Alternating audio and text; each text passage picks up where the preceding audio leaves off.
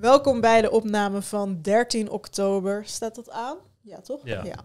En staan die dingen goed? Die dingen Ja, ja, ja. Sorry hoor voor de check. Ja, dat moet. Dat moet. Om eh 19 uur 16 gaat het weer van kleur wisselen als we bezig zijn. Die camera's. Wat van kleur wisselen? Soms lijkt Oh, jij heel nee. grauw. Nee, dat komt gewoon door. eh, oh, ik moet even zo in het midden.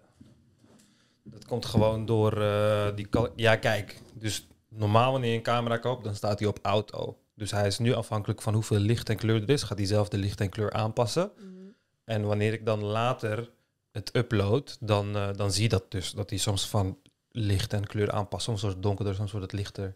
Dat zeg, je, Ja. dat zeg je heel goed in de zomer. Er was een aflevering waar jij de zon op je gezicht had. Weet je die aflevering nog? Ja. Daar zag je het. Dan gaat die lichter en donkerder worden.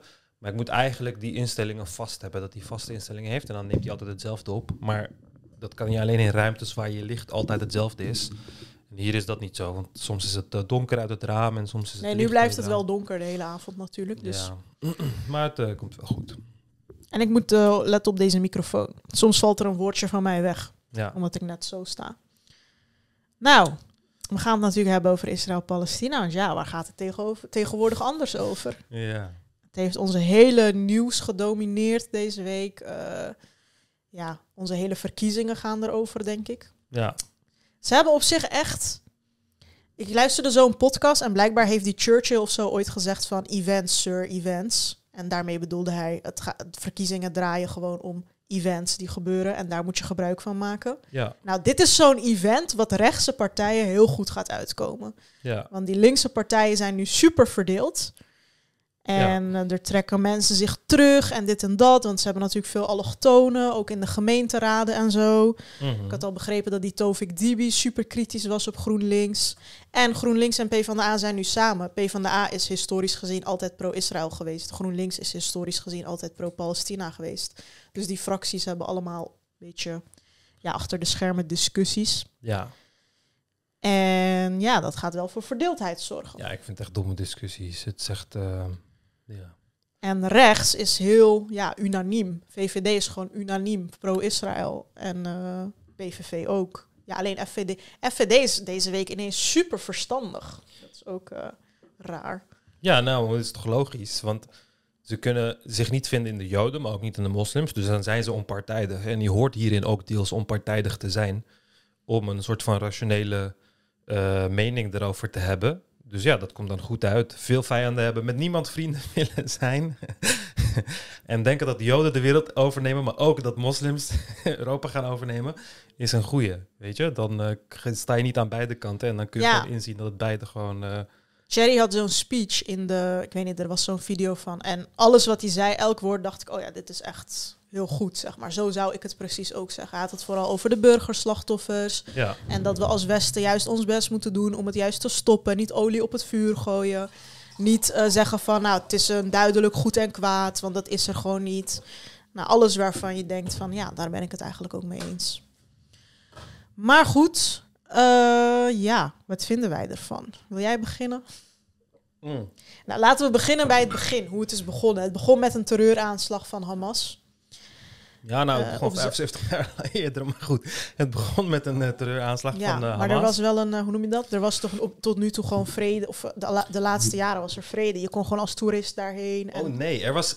Ja, kijk, dat vind ik dus, dat vind ik dus het jammere hieraan. Want de laatste jaren was er geen vrede. De laatste jaren... er was in ieder geval geen oorlog, toch?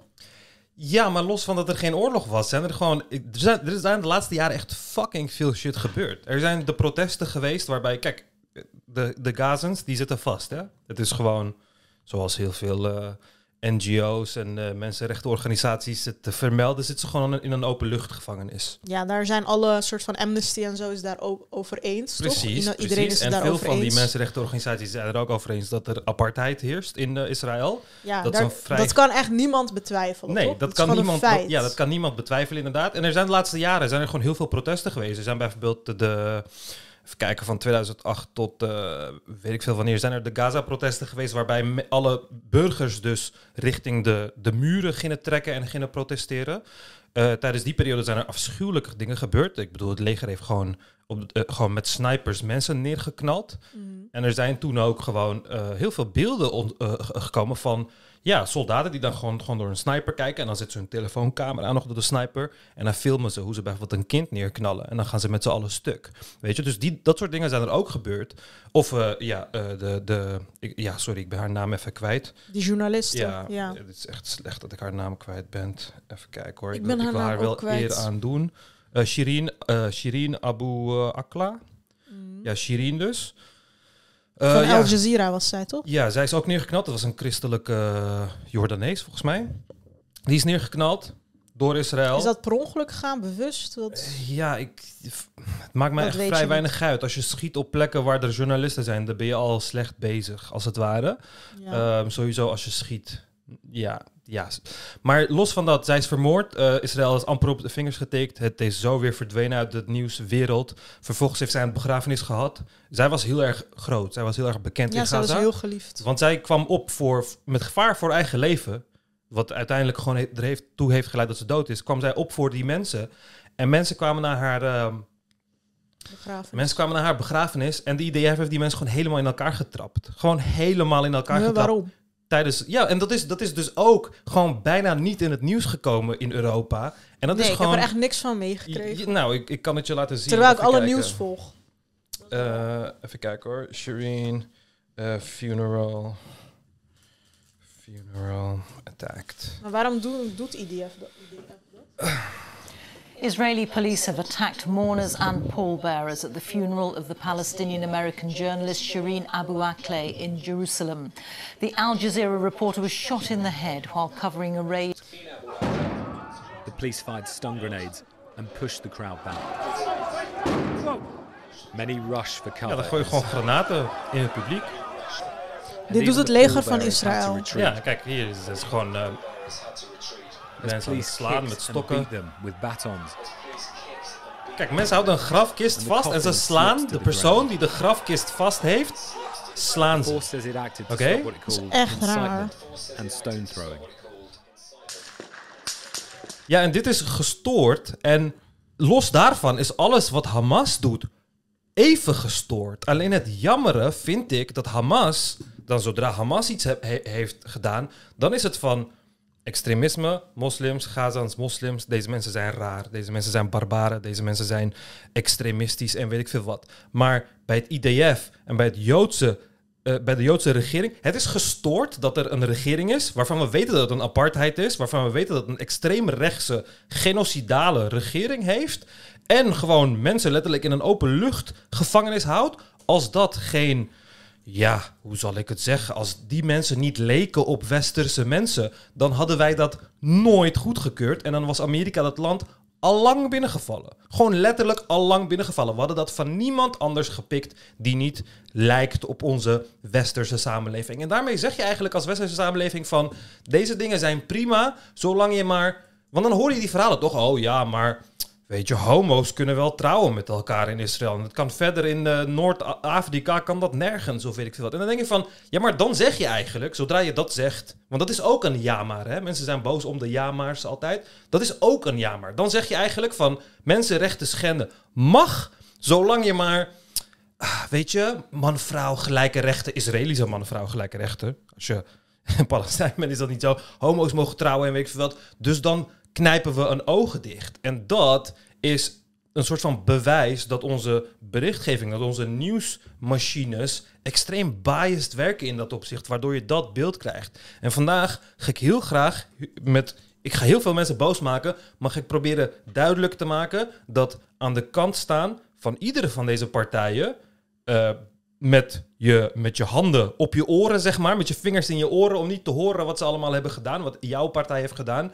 Eh, en dat je dat allemaal goed praat, dat het gestoord is. Beide kanten hier zijn compleet gestoord. En wij zullen in het Westen geneigd zijn om te denken dat de moslims het meest gestoord zijn. En misschien zal het wel waar zijn dat ze een stuk meer gestoord zijn dan de Israëliërs. Maar ik vind dat hoe gestoord, ik zal geen Israëliërs zeggen ook. Ik heb net wel moslims gezegd. Ik ga wel Israëliërs zeggen. Israëliërs. Eh, de regering, hoe gestoord is. Israëliërs klopt toch gewoon? Ja, nee, want heel veel Israëliërs die staan helemaal niet achter de regering. Net zoals dat heel veel Palestijnen niet achter de regering staan. Dus dat is ook heel jammer om, zeg maar, Zeg dan Hamas... Netanyahu. Of Ja, maar het is heel jammer om Hamas te equaten aan Palestijnen. En het is ook heel jammer om IDF en de regering te equaten aan, ehm, aan, eh, aan eh, Israëliërs. Want Want- Israëliërs gingen wel elk weekend protesteren, hè, totdat dit gebeurde. Dus ze waren niet blij met ja, hun ja, eigen ja, ja, precies. En, en Hamas heeft dat dus, of Hamas, Palestijnen hebben dat ook, du- dus ook heel lang gedaan. Alleen ehm, wat belangrijk is hierin. Maar, maar ja, los van dat, oké, er is een terroristische aanslag gepleegd. Hamas is eh, Israël binnengevallen. Israël heeft het no- nooit zien binnenkomen. Hamas heeft fucking afschuwelijke dingen gedaan. Afschuwelijke dingen gedaan. Ze zijn, eh, ja, op, er was toevallig daar een eh, festival aanwezig. Ze zijn op een festival neergeland met fucking paragliders en weet ik veel wat. En ze hebben mensen neergeknald. Als je pro-Palestijn bent, ik heb heel veel mensen in de groep gezien die durfden te claimen. Ah, Maakt me zo fucking boos. Die durfden te claimen dat Hamas geen onschuldige burgers neerknalt, geen vrouwen neerknalt of geen baby's heeft vermoord. Wie zei dat dan? Eh, oh, er waren mensen in de groep, in de normale groep, waren de mensen die extreem pro-Palestijn waren. En dan ben je gestoord. Je bent compleet gestoord. Allereerst wil ik duidelijk maken dat het volkomen logisch is, volkomen logisch is, dat wanneer je mensen hebt in een openluchtgevangenis, hetzelfde geldt al voor mensen in Israël, die opgroeien in haat, die opgroeien met beelden van dat hun familieleden worden doodgemaakt, of die hebben meegemaakt dat hun familielid is doodgemaakt en weet ik veel wat. Wat dit doet met mensen, dat wil niet zeggen dat je gelijk een psychopaat wordt en mensen gaat neerknallen, maar het is volkomen logisch dat een deel daarvan zo gestoord, zo getraumatiseerd wordt dat ze mensen gaan neerknallen. Dus door te claimen van, oh nee, Hamas zijn rationele mensen met mor- moraliteit en weet ik veel wat, en die zullen nooit onschuldige burgers neerknallen, dat is onzin. Er zitten daar heel veel mensen tussen die intens veel haat hebben en wraakzucht hebben. En daar mogen ze volgens zichzelf, of misschien is het wel zo, mogen ze ehm, ja, argumenten voor hebben. Misschien, weet ik veel, ben je drie van je kinderen kwijtgeraakt door een raketaanval op je huis.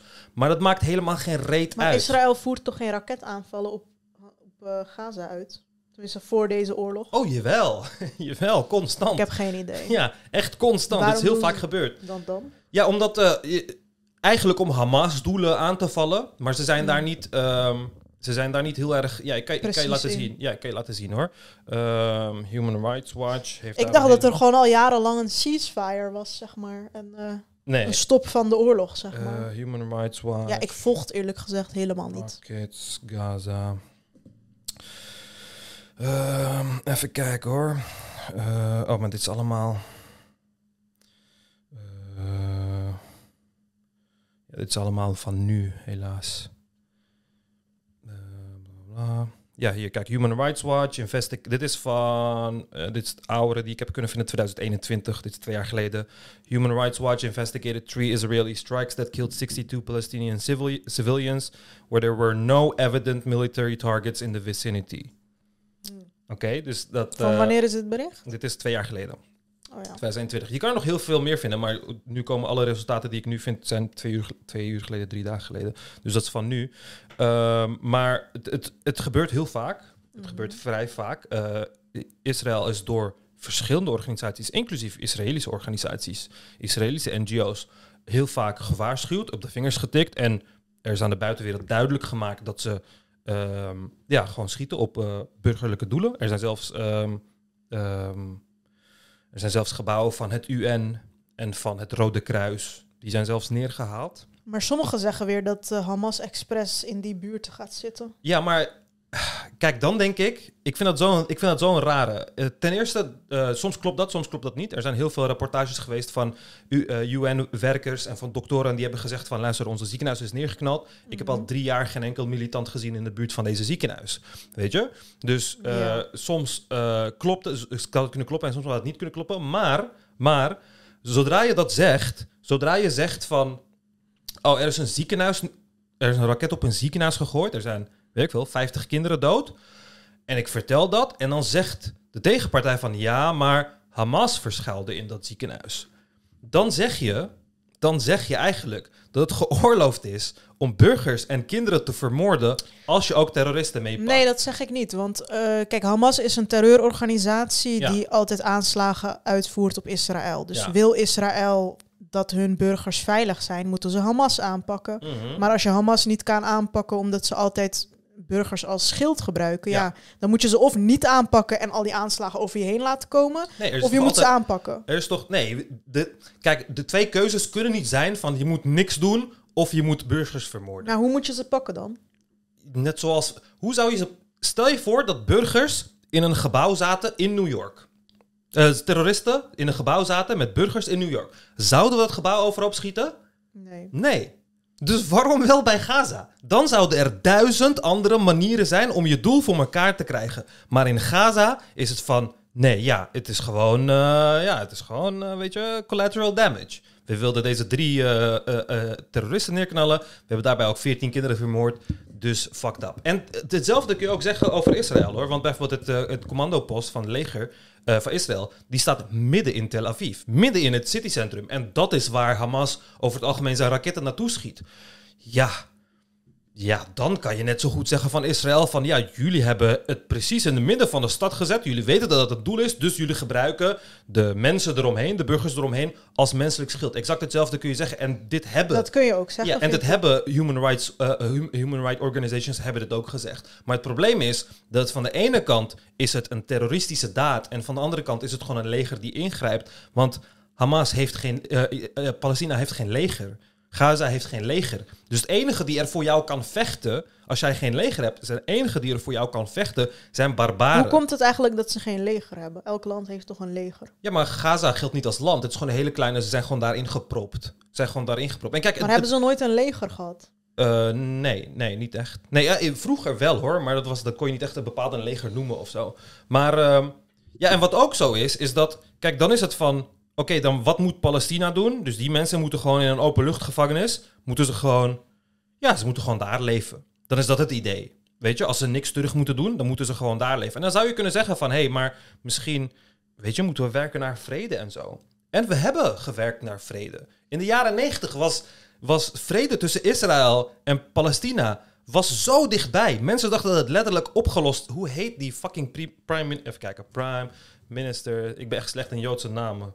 Eh killed. Yitzhak Rabin. Oké, Yitzhak Rabin was een. eh, oh, laat me deze scherm hier zetten. Yitzhak Rabin was een, ehm, eh, een, prime minister van Israël. Even wachten hoor.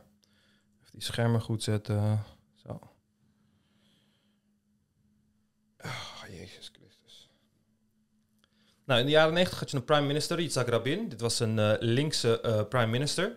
Eh, en die had eh, de Oslo-akkoorden ehm, eh, getekend. En de Oslo-akkoorden waren peace, een peace, ehm, ja, hoe heet zoiets? Een vredesovereenkomst tussen Palestina en, ehm, en Israël, waarin ze hadden afgesproken dat ehm, Palestijnen bewegingsvrijheid zouden hebben en eh, ehm, eh, recht, dat ze in principe dezelfde rechten zouden hebben. Dat ze samen zouden leven en ze zouden dezelfde rechten hebben. Hier zie je Yitzhak Rabin met Arafat en Bill Clinton, die hadden de handen geschud.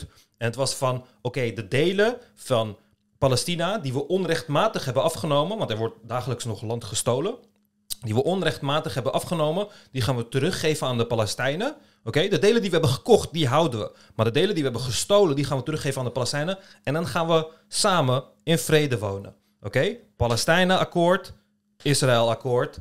De rechtse Israëliërs helemaal, helemaal gek geworden. Ze zijn helemaal gek geworden toen dit werd verkondigd. Want volgens het idee, volgens het, ja, volgens het jodendom, zeg maar... Het is het eh, heilig land. ja, kijk, de Likud leader en future prime minister Benjamin Netanyahu accused Rabin's uh, uh, government of being removed from Jewish tradition and Jewish values. Right-wing rabbis associated with the settlers movement prohibit, prohibit, prohibited ter, ter, Jezus, wat gebeurt er?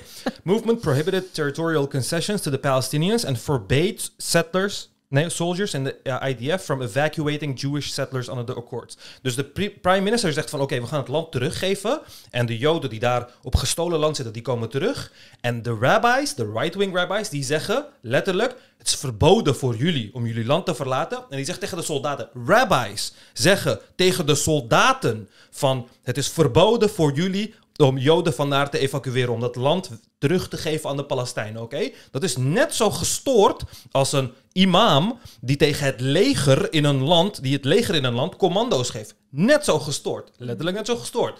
Is net zo gestoord als de imam die zegt van jullie mogen jullie land niet teruggeven aan de Joden, want het zijn Joden. En het staat tegen islamitisch en weet ik veel wat. En dan staat Ja. er, some rabbis proclaimed din rodef, based on a traditional Jewish law of self-defense against Rabin, personally arguing that the Oslo Accords would endanger Jewish lives. Din rodef is basically een fatwa waarin jij zegt dat deze persoon, onze prime minister, onze prime minister, rabbis zeggen, onze prime minister is een gevaar voor Joodse levens. Want het weggeven van land, Joods land, is heiligschennis. Dat is wat ze zeggen. Hier, National Religious Conservatives and Likud Party leaders believed that withdrawing from any Jewish land was heresy, is heiligschennis. Hebben ze Din Rodef aangekondigd. En Din Rodef betekent letterlijk, jij, mag de, jij moet de prime minister vermoorden, want hij staat eh, tegen de Joodse eh, interesses, als het ware. Het is, het is letterlijk een fatwa om te zeggen dat die, wordt die moet worden vermoord.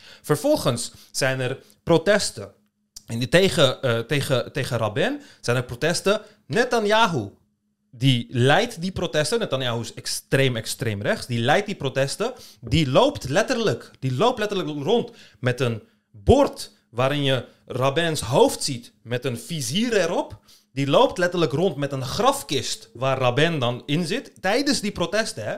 En vervolgens, een week later, wordt hij neergeknald. Wordt de prime minister vermoord, ge, ge, geassassinate letterlijk. En tot op de dag van vandaag staat deze assassination bekend als de meest, ehm, ja, hoe heet dat? De meest effectieve assassination ooit. Want Israël en Palestina waren op weg naar vrede. Ze waren letterlijk op weg naar vrede. Ze hadden elkaar de handen geschud en ze hadden afspraken gemaakt. Israël zegt van oké, we hebben land gestolen, we gaan daarmee akkoord, we geven dat land terug. En Hamas, eh, of Hamas, Palestina zegt oké, prima, weet je, handen schudden en weet ik veel wat. Netanyahu, de re- rechtse rabbis, die denken zak my dik, want die Gazaans die Palestijnen gaan precies geen reet krijgen, zorgt ervoor dat hij wordt neergeknald en de persoon die letterlijk ja, hier in Nederland zou dat gelden als, iemand le- als iemands leven bedreigen. Als Mark Rutte met een bord zou lopen, met een vizier op Wilderse kop, zouden we, dat, die zouden we Mark Rutte gewoon aanklagen. Dat is wat we zouden doen. Maar wat gebeurt er? Netanyahu wordt presi- president. Netanyahu wordt president. Er wordt veel en veel strenger opgetreden tegen eh, eh, de Palestijnen. Er wordt een hek om ze heen gebouwd, een muur om ze heen gebouwd. En er wordt een openluchtgevangenis gebouwd. In diezelfde periode, wanneer de Palestijnen inzien dat er helemaal geen vrede te bepalen, behalen valt. Yasser Arafat en de PLO, die deden ook wel terroristische aanslag of zo, maar veel milder dan Hamas. Die eh, verliezen alle populariteit en Hamas neemt de macht. En sindsdien is het een openluchtgevangenis waarbij er alleen een militia is, een gestoorde militia die tegen jou wilt vechten. En dit hele deel van de geschiedenis, waarbij vrede zo dichtbij was, maar letterlijk door religieuze extremisten die nu aan de macht staan in Israël, dat daar een stok voor is gestoken. Dit weet niemand op de een of andere manier. Op de een of andere manier zit dit niet in de media of zo. En op de een of andere manier kunnen wij, Israëliërs, tenminste de slechte Israëliërs, niet op dezelfde afschuwelijke manier bekijken. De extremistische eh, gelovigen daar, de religieus extremisten daar, kunnen we niet met dezelfde haat en nijd en afgunst bekijken als dat we dat kunnen doen bij de moslim-extremisten. En dat is wel wat we moeten doen. Dat is wel wat we moeten doen. Want dat gebeurt wel redelijk, want voor deze oorlog waren er heel veel podcasts en zo die hierover gingen. Dat de, dat de heel orthodoxe Israëliërs eigenlijk het land aan het overnemen waren. Omdat ze Ja. acht kinderen krijgen of tien. Ja, ja, er is wel media-aandacht. Ik zeg niet dat er nul media-aandacht is, maar stel je voor dat de rollen waren omgedraaid. De acties zijn exact hetzelfde, hè? maar de rollen zijn omgedraaid. In plaats van Israël aan de macht en weet ik, die al deze dingen doet, zijn het Palestijnen aan de macht. En in die openluchtgevangenis zitten Israëliërs, oké? Zouden wij nog zaken doen met Israël dan?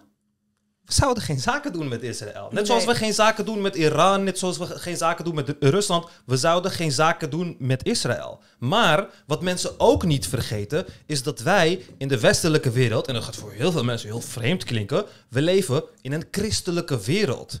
En dit is het aller, aller, aller Niet per se eraan. christelijk, maar gewoon westers. Nee, Amerika is de grootmacht. En Amerika is vrij christelijk, zeg maar. In Amerika is het land waar letterlijk een paar jaar geleden abortus is verboden volgens christelijke waarden, zeg maar. Dus, Ja. en men moet niet vergeten dat de reden waarom heel veel Amerikaanse of westerse christenen Israël steunen, is omdat christenen, gewoon mannen in pak in het Amerikaanse Senaat, die geloven oprecht, die haten Joden. Die zijn extreem antisemitisch, maar ze steunen Israël wel. Waarom? Want de profetie, de profetie van de christenen is dat wanneer de Joden hun land terug hebben, dan komt het einde van de wereld en dan keert Jezus terug. En dit kan je bijna niet koppelen aan die westerse, modern uitziende Amerikanen in het Senaat. Maar dit is de exacte reden waarom al die orthodoxe christenen, waarom al die christenen in, in Amerika Israël steunen. Ze haten Joden. Ik bedoel, Joden Maar waarom hebben- steunt Duitsland, Frankrijk, Nederland, bla bla, Europa dan Israël? Omdat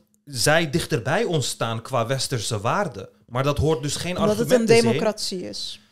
Ja, maar kun je... Dat vind ik dus een hele moeilijke. Want tuurlijk zou je het een democratie kunnen noemen. Maar zouden we in elke andere case een democratie... die bestaat uit een apartheid, met een openluchtgevangenis... met tweederangs burgers... zouden we dat ooit een, de- een democratie noemen? Weet je, kijk, wij hebben al moeite met Turkije een democratie noemen. Wij zeggen heel vaak nee, dat is geen echte democratie en weet ik veel wat. Maar bij Israël hebben we dat probleem niet. Op de een of andere manier. Ja, Hebben of we dat omdat ze een bondgenoot zijn in het Midden-Oosten natuurlijk. Ja, en dat is dus ook raar. Dat is dus ook vrij raar, want normaal zouden we dat dus nooit doen. Maar wanneer we iets te winnen hebben ervan, dan kunnen we een oog dichtknijpen voor mensenrechten schendingen. Dan kunnen we dat op de een of andere manier gewoon doen. En dat vind ik heel raar hierin. Beide partijen die ik gewoon heb meegemaakt hierin. Eh, Gewoon de ene partij doet alsof Israël gewoon het zo'n verlichte plek die ze zijn allemaal onschuldig en ze worden gewoon steeds aangevallen en weet ik veel wat. En Hamas mensen, en de Palestijnen die zijn dan ook onschuldig. Maar is het niet, zeg Hamas maar, zo- iemand kwaad. Kijk, de VS werkt ook samen met Saudi-Arabië. Waarom ze halen daar olie uit? Mhm. Dus ze zouden nooit Saudi-Arabië op de vingers stikken van... hé, hey, eh, die moet je niet onthoofden of zo. Daar Ja. gaan ze zich gewoon niet mee bemoeien.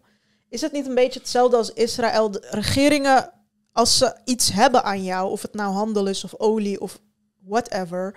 Ja, dan gaan ze gewoon geen kritiek leveren. Ja, maar een groot deel van het geld dat naar Israël is gekomen, wat Israël groot heeft gemaakt, komt volgens die religieuze overtuigingen. Het is van rijke Joodse donoren ge- gekomen die niet een land groot willen maken. Kijk, dat, dus dat, dat moet je steeds in je achterhoofd houden. Het is niet van, oh, we moeten een land groot maken, economie. Dat. Nee, het is een religieuze overtuiging. Het is, dit land is heilig, het is van ons, want onze man in de lucht, die heeft het aan ons beloofd en weet ik veel wat. En vanuit de christelijke organisaties die steunen, natuurlijk zijn er ook allemaal andere belangen. Maar er zijn letterlijk duizenden beelden van Ik denk Amerikaanse... niet dat het christendom iets boeit. Oh, tegenwoordig. 100% wel. 100% wel. Letterlijk. Ik kan me eh, dat bijna niet voorstellen. Ja, je kan het Ik denk niet- dat het om geld gaat. Zoals altijd. Ja, dat zeg ik. Er zijn ook andere belangen en je kan er geld van verdienen en dat soort dingen. Maar Alsof Trump of zo christelijk is. nee, Trump niet. Maar heel veel mensen in het Senaat dus wel. Ik kan je echt heel veel video's laten zien van... eh, eh, even kijken hoor. Eh American Senate. Hoe heet die guy? Ik ben die naam even kwijt. Israel... ehm eh, World of zo, weet ik veel. Ja, nu gaat alles... Ja, kijk, alles wat je nu zoekt op Israël... krijg je gewoon dingen van de laatste drie dagen. Dat is echt fucking kut. Nee, maar oké, stel dat ze niet christelijk waren. Denk Ja, je dat ze dan Israël niet zouden steunen? Veel Tuurlijk minder. wel. Veel Oh. minder. Ik denk veel minder. Heeft het niet te maken met holocaust, verleden?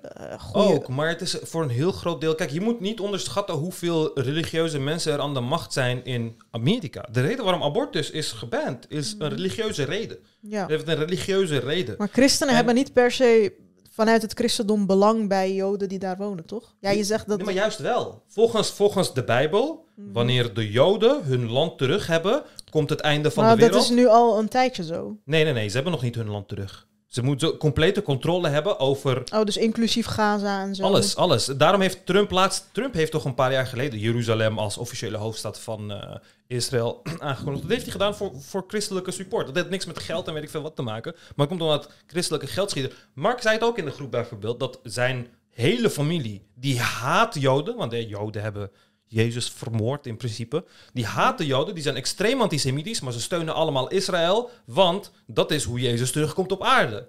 Dat is hoe, en heel veel mensen weten dit niet. En voor heel veel mensen lijkt het gek, want iedereen lijkt modern en zo. Niemand denkt van westerse mensen dat er een soort van bij heel veel geldschieters dat er religieuze eh, motieven achter zitten. Maar, Ja. maar dat is dus wel niet. zo. Even kijken. Ik had wel gelezen dat in Urk alleen maar Israëlische vlaggen waren. En ik weet dat de SGP pro-Israël is en de ChristenUnie. Maar ik wist niet dat dit de reden was, zeg maar. Even kijken hoor. Hier. Half of ev- evangelicals support Israel because they believe it is important for, for, for, for fulfilling the end times prophecy. Dit is Washington Post. Dus Robert Jeffries, gewoon ook van het Senaat. Hij, hij spreekt letterlijk in de, in, in de US emb- Embassy de hele tijd. Mitt Romney en weet ik veel Staat hier in de. Koran niks over? Eh, ja, ik, ik heb geen idee eigenlijk. Ja, okay. Kijk, the tenet of Christian Zionism is that God's promise of the Holy Land to the Jews is eternal. When we talk about the Holy Land, God's promise of the Holy Land, we're talking about real estate on both sides of the Jordan River. So the sense of a greater Israel is uh, and expansionism is really important to this community. Jerusalem is central to that. It's views as a historical and biblical capital. Blah blah blah. Yeah, here, God's promise to Abraham and his descendants was for all time. En dan letterlijk 70, 65% agrees, strongly agrees en 80% agrees Van wie? eh, van de evangelicals. En dat zijn de rijkste mensen in Amerika. Hè? Het zijn de aller, allerrijkste mensen in Amerika. Fucking veel evangelicals aan de macht. The prophecy is the biblical prophecy of the return of Jesus Christ and the beginning of the rapture, the end times. What kickstarts, kickstarts the end times uh, into no motion is Israel's political boundaries being reestablished to what God promised the Israelites according to the Bible. Ja. Hier, kijk, eh, letterlijk 80% van evangelicals gelooft dat events were fulfillments of Bible prophecy that show we are getting closer to the return of Jesus Christ. En hier, en dat probeer ik dus uit te leggen. Kijk, dit klonk voor jou compleet gestort. Van, hè, nee, dat zou er helemaal niks mee te maken hebben. Omdat wij gewoon mensen in een pak zien en dan niet denken van, hé, dit zijn ook religieuze nutjobs. Dat, dat denken we niet dat, dat, dat ze zo zijn. Maar dat zijn ze wel. Ze geloven letterlijk dat wanneer Israël van de Israëliërs gaat zijn compleet, dat Jezus gaat terugkeren en het einde van de wereld zal, komen. En alle gelovigen wachten daarop. Alle gelovigen smullen daarvan letterlijk. Dus dat is, een, dat is ook een groot onderdeel. Maar dat, verge- dat vergeten we op de een of andere manier, dat dat ook een onderdeel is. Dan is het alleen van, oh nee, die moslims, dat zijn alleen maar religieuze nutjobs, zeg maar. Want deze andere mensen, die lijken op ons. Die hebben geen lange baard of een gekke sjaal of een gekke hoedje. Die lijken op ons. Maar en dat, en dat, daar moet je je uit proberen los te wringen, zeg maar. Oké, maar dat is Amerika. Ja. Nederland steunt ook Israël. Ja, natuurlijk steunt Nederland. Nee, maar ik zeg niet dat alle landen dat doen. Ik zeg dat, dat, eh, eh, dat het, het grote Westen, wat Amerika is, dat doet. En over het algemeen zullen wij gewoon hetzelfde doen als wat Amerika doet. Als het een belangrijke partner is van Amerika, dan gaat het ook een partner zijn van ons. Want wij zitten in een groepje waar we dan zogenaamd met z'n allen in zitten. Maar het is gewoon Amerika en wij lopen achter hun aan. In principe. Weet Ja. je, als Amerika zaken doet met Saudi-Arabië, gaan wij dat ook doen. Want ja, Amerika doet het ook, dan is het goed. Ja. Maar vind je dan niet dat zeg maar als, Westen, als het Westen zegt van nou wij gaan Israël steunen, dat eigenlijk het Oosten of de rijke Arabische landen eigenlijk zouden moeten zeggen nou wij gaan Palestina steunen? Want Ja. dan heb je echt een probleem, want Saudi-Arabië en Amerika zijn natuurlijk dikke matties. Ja, ja, maar daarom is, zal het waarschijnlijk ook Iran zijn of een andere vijand van Amerika die eh, Israël zal steunen. En daar waren ook eh, dingen voor, aanwijzingen voor. Dus dat Palestina zou steunen bedoel je? Ja. Het idee is, mensen denken nu dat de wapens, want Hamas heeft eh, heel erg eh gesurprised, zeg maar, met hun vaardigheden. Daarom Israël heeft ook hele... De burgers in Israël zijn op dit moment het meest boos op de regering. Want dit had niet kunnen, moeten gebeuren. Dit hadden ze zo moeten zien aankomen. Ja, want Netanyahu heeft altijd gezegd dat hij dit ehm, Ja, hij dat was hij Mr. Security Ja, was. precies. En ze hebben daar een beetje te veel op, ehm, op vertrouwd, denk ik. Egypte heeft letterlijk gezegd, gisteren gezegd, dat ze twee dagen van tevoren aan Israël hadden laten weten dat, eh, de Palestijnen iets groots eh, plannen, dat Hamas iets groots plant. En, Mensen eh, ze zeggen dus het dat het komt omdat het leger en zo eigenlijk ook tegen Netanyahu is. Blijkbaar is er heel veel chaos in Israël achter Mhm. de schermen en zijn heel veel mensen ontevreden met hem en zo. Ja, Waardoor niet alle communicatie heel erg lekker vloeit naar hem. ja, ja. ja. Maar goed, wat is de oplossing? Ehm, of is die er wel?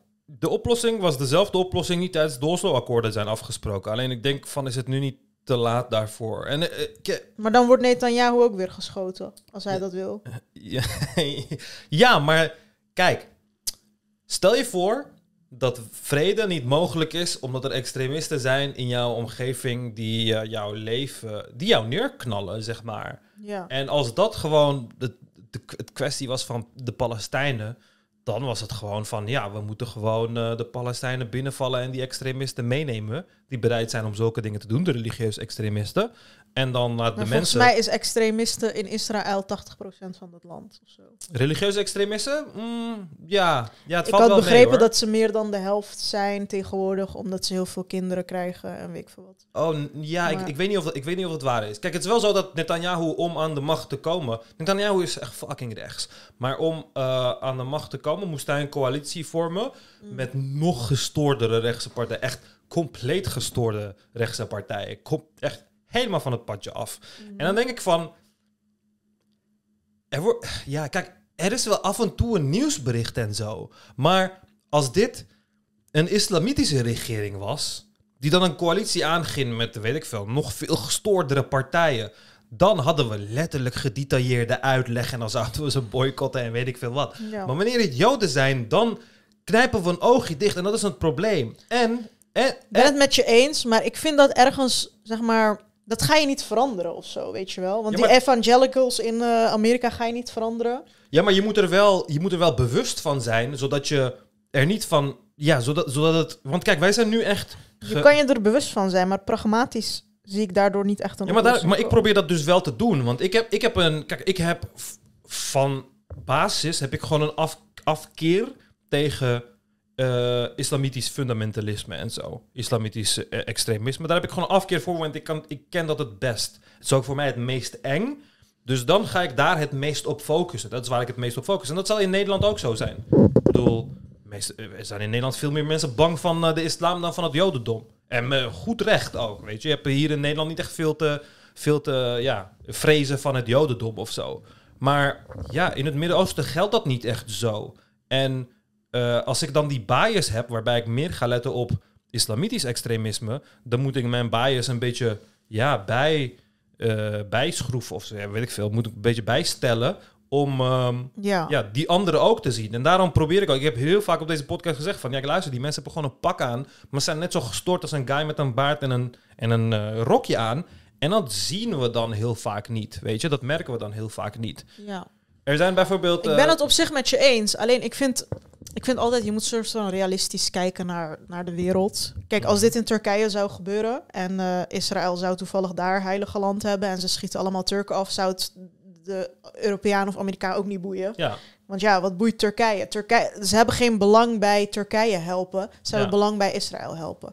Dus landen zullen altijd doen waar ze belang bij hebben. Dit is letterlijk inherent aan regeringen, aan mensen. ja. Dat, ik bedoel, Turkije gaat ook kijken, nou, waar heb ik belang bij? Palestijnen of Israël? Nou, laten we Israël kiezen. Elk land gaat dat doen. ja, en daarom denk ik dus dat die dingen... Kijk, vanuit politiek... eh, eh, dan vanuit politiek oogpunt begrijp ik dat. Hè? Dan heb moet je een bepaalde partij die je wilt steunen... omdat dan bepaalde voorbeeld, voordelen geeft of whatever. Misschien is een handelspartner, misschien is het een, ik veel, een cultureel eh, broertje of whatever. Maar als, als mens, als mens hoor je dat dus niet te doen. Als mens hoort... Kijk, eh, iedereen die pro-Palestijn is... die minder pijn heeft gevoeld voor de dode, de dode Israëlische kinderen of baby's... die daar minder pijn heeft gevoeld... je bent een fucking beest. Je bent letterlijk een fucking beest als je daar minder pijn voor hebt gevoeld. En op andersom geldt precies hetzelfde. Als jij minder pijn voelt, minder pijn voelt bij de dode Palestijnse kinderen versus de dode Israëlische kinderen, dan ben je ook een beest. En dan hoor je een verandering te brengen aan hoe je brein werkt. Dan hoor je echt even bij jezelf stil te staan en beseffen dat je bent dat je een mens bent geworden, een mens bent geworden die de dood van baby's en kinderen rationaliseert. Het doet je niks ja, meer. of dat heerlijk vindt, juist. Ja, het is, het, is, het is bijna... Nee, maar zelfs als je het niet he- he- heerlijk vindt. Als het je niks doet. Als het je minder doet dat een kind dood is omdat het een Israëliër is... of omdat het een Palestijn is... dan ben je op pad naar psychopathie. Dat is waar je op pad naar bent, bent aan het gaan. Want het, is letterlijk gestoord. Het zijn kinderen, man. Het zijn gewoon... Oh, Jesus, ik word er helemaal emotioneel van. Het zijn fucking kinderen. Het zijn gewoon letterlijk kinderen die dood zijn gegaan aan beide kanten. En dan is het van, oh, en dan is het van, ja, ze hebben kinderen vermoord in, in Israël. En is van, ja, maar er zijn ook Palestijnse kinderen vermoord. Denk van, nee, Nee, toon fucking empathie aan de andere kant. Van beide kanten leer empathie te tonen aan elkaar. Want als je geen empathie kan tonen voor elkaars dode kinderen, dan gaat het fucking nooit goed komen. Het zijn, het zijn, ah, het zijn dode Jezus. Ik ga bijna huilen gewoon. Ik moet gewoon, ja, het is gewoon zielig. Het zijn gewoon fucking dode kinderen, man. Die fucking mensen, die kinderen hebben helemaal niemand misdaan. En die verdienen het niet dat hun dood gewoon wordt gebruikt als een of andere politicus spelletje. Of wel eens niet is. Of eh, eh, jij bent slecht of eh, wij, zijn goed eh, eh, strijd, zeg maar. Ik word er echt helemaal gestoord van. Maar ik zag dus, ik zag dus protesten in Sydney. Pro-Palestine. Protest.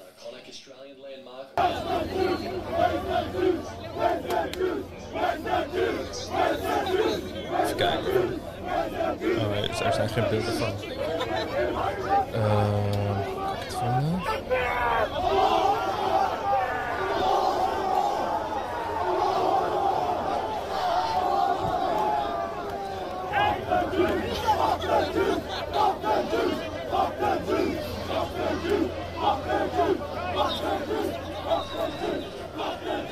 Ja, ik kan niet vinden, maar ehm, deze mensen waren tijdens een protest ehm, gas the Jews aan het schreeuwen. Ja, volgens mij zijn zulke uitspraken overal een beetje inderdaad geweest. Ja, en ehm, Of iedereen- dood aan de Joden of iedereen die dit heeft gezegd, moet ter plekke gewoon opgepakt worden. Dat, eh, dat moet, dat moet, totdat mensen leren dat dit soort uitspraken compleet gestoord zijn. Dat dit soort uitspraken compleet genocidaal zijn. Mm. Ehm, alleen uh, wil ik ook nog eh, beelden van de andere kant laten zien. Dan heb je hier bijvoorbeeld. eh, Fuck Palestine! Palestine to my dick! What do you think the response should be from Netanyahu and the military to Gaza? Kill all Palestinians! All of them! Not one left from the river to the sea, Palestine will be deceased! And Israel need to do like this. You see? Now Gaza. Like this. Gaza need to do like this. Or, or like this, but all this Jewish. Two options. What do you What do you think the response should be do to, you to mean? Gaza? We gotta wipe them off the fucking That's it, map. I'm talking about every fucking planting them like a parking lot. Yeah, wait, They're planting them out once and for There's not, not, not nothing else you can do. They they proved to they proved to us that there- there's nothing else you can do. We tried, and We tried everything. It doesn't work. Is hij Joods? Hij lijkt Arabi ja, zijn- Arabier. ja, maar heel veel Joden lijken Arabieren. Europese, wij zien Europese Joden, maar Midden-Oosterse Joden die lijken gewoon op Arabieren, want ze zijn letterlijk hetzelfde volk. Maar eh, ze zeggen ook van we tried everything. It doesn't work. Maar Ja, en dat idee hebben de Palestijnen ook Ja, juist. maar dan denk ik van, wat heb je geprobeerd? Je hebt, je hebt apartheid gecreëerd, heb je mensen in een openluchtgevangenis gestopt. Wat dacht je dat er zou gebeuren? Like, ik begrijp het, het, het is tot volkomen gestoord wat Hamas heeft gedaan. Maar wat de fuck dacht je dat er zou gebeuren? Dacht je dat je mensen in een openluchtgevangenis zou zetten en dat ze daar gewoon zouden chillen voor altijd? Gewoon voor altijd in misery. Gaan ze gewoon zo blijven wachten terwijl jij aan de overkant van het hek fucking een prachtige leven hebt op hun land? Wat dacht je dat er zou gebeuren? En is van, we tried everything. No, you didn't. You, you tried to try everything, but then your fucking prime minister got killed. Gewoon door een fucking extremist. En dan heb je letterlijk een rechtsextremistische genocidale maniac aan de top gezet, waar de hele wereld dan gewoon blij zaken mee doet. Weet je, en dan is het van, ja, we tried everything. Nee, de mensen in Gaza hebben het nooit, nooit erger gehad dan nu. Toen die muren opgingen, toen, toen ze de muren hadden gebouwd, de hekken hadden gebouwd en er een gevangenis van hadden gecreëerd, dan moest je al weten van, dit gaat echt nergens naartoe. En dat, dat snappen heel veel mensen ook niet. Hè? Want vanaf het, vanaf het, eh, het beeld van de Palestijnen, wanneer zij iets vieren, hè, wanneer zij vieren dat, eh, eh, de, de- de- dat, er, dat er iets is gebeurd, als het ware, dan vieren ze niet de atrocities van Hamas. Tuurlijk, er zullen mensen zijn die de atrocities van Hamas vieren. Al die mensen moet je voor mij- mijn part ook oppakken. Iedereen die gas the Jews schreeuwt, ook een fucking barbaar moet je ook oppakken. Maar de meeste van de mensen die die shit vieren, die vieren omdat ze hebben losgebroken uit de gevangenis. Omdat ze in een gevangenis zaten. Er waren hekken om hen heen. Die hekken zijn gebulldozerd en ze konden opeens uit de hekken. Je kon opeens uit de gevangenis. Je bent vrij uit de gevangenis. Je, bent, je, je hebt een soort van hoop gezien in de apartheidstaat waarin je leeft. En daarnaast heb je ook gezien dat die grote reus naast jou, die, die vele malen machtiger dan jou is, vele malen krachtiger dan jou is, die al die technological advancements had, Iron Dome en weet ik veel wat, toch niet zo sterk was als dat je dacht. Of dat, als dat zij dachten. En dat is voor heel veel mensen een gevoel van hoop.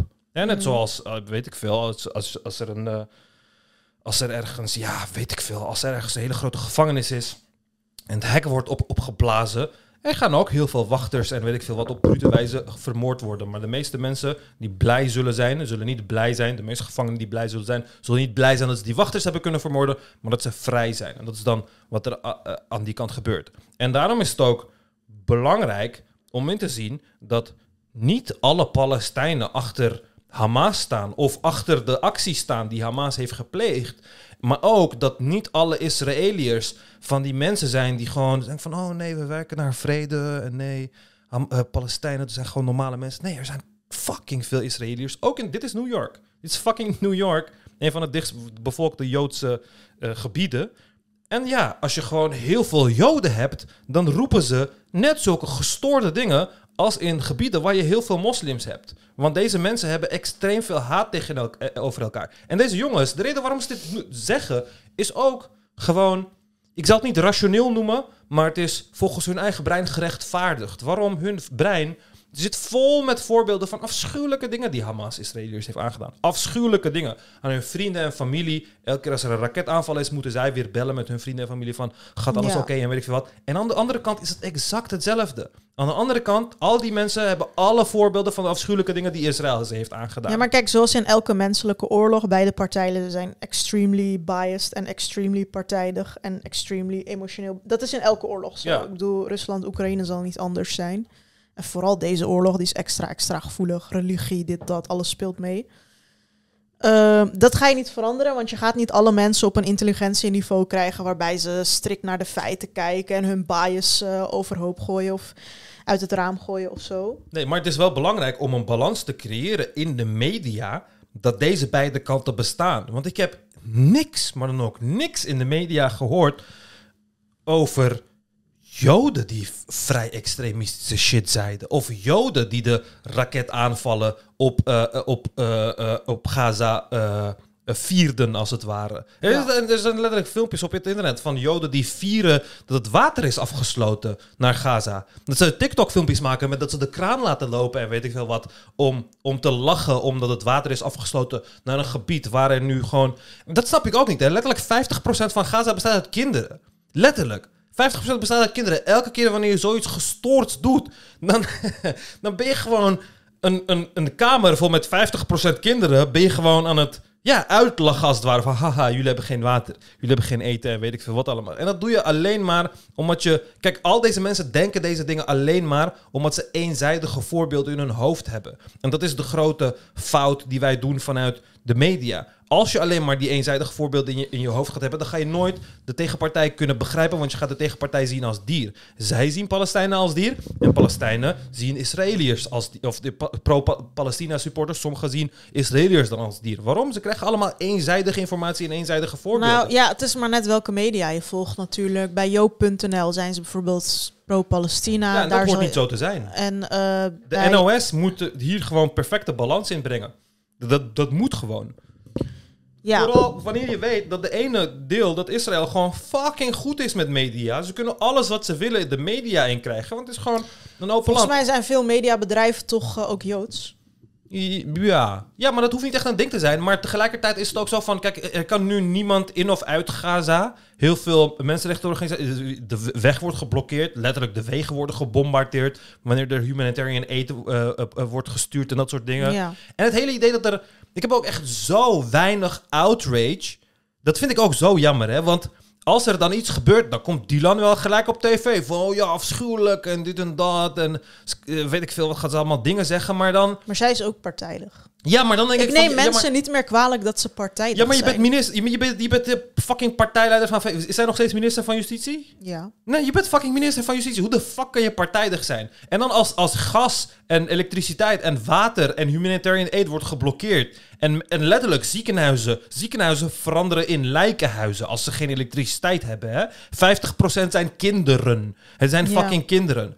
Als, je, als dat wordt afgesloten en je gaat dan niet bij een talkshow... Ik heb niemand bij een talkshow zien, eh, zien verschijnen van... oh ja, het is oorlog misdaad, hier moeten we iets tegen doen. En weet ik Omdat veel je daarmee jezelf sowieso... Als je dat als politicus doet, dan ben je ten ja, dode en dan, opgeschreven. en dan moet je dus beseffen, want zou jij... Want iedereen hier niks over zegt, als jij nu in een ziekenhuis was in Gaza, waar op dit moment gewoon al die kinderen zo aan het doodgaan zijn, als jij daar was, dan zou je dat nooit zeggen. Dan zou, je, dan zou de emotie bij jou overkomen, dan zou je beseffen wat er wordt gedaan.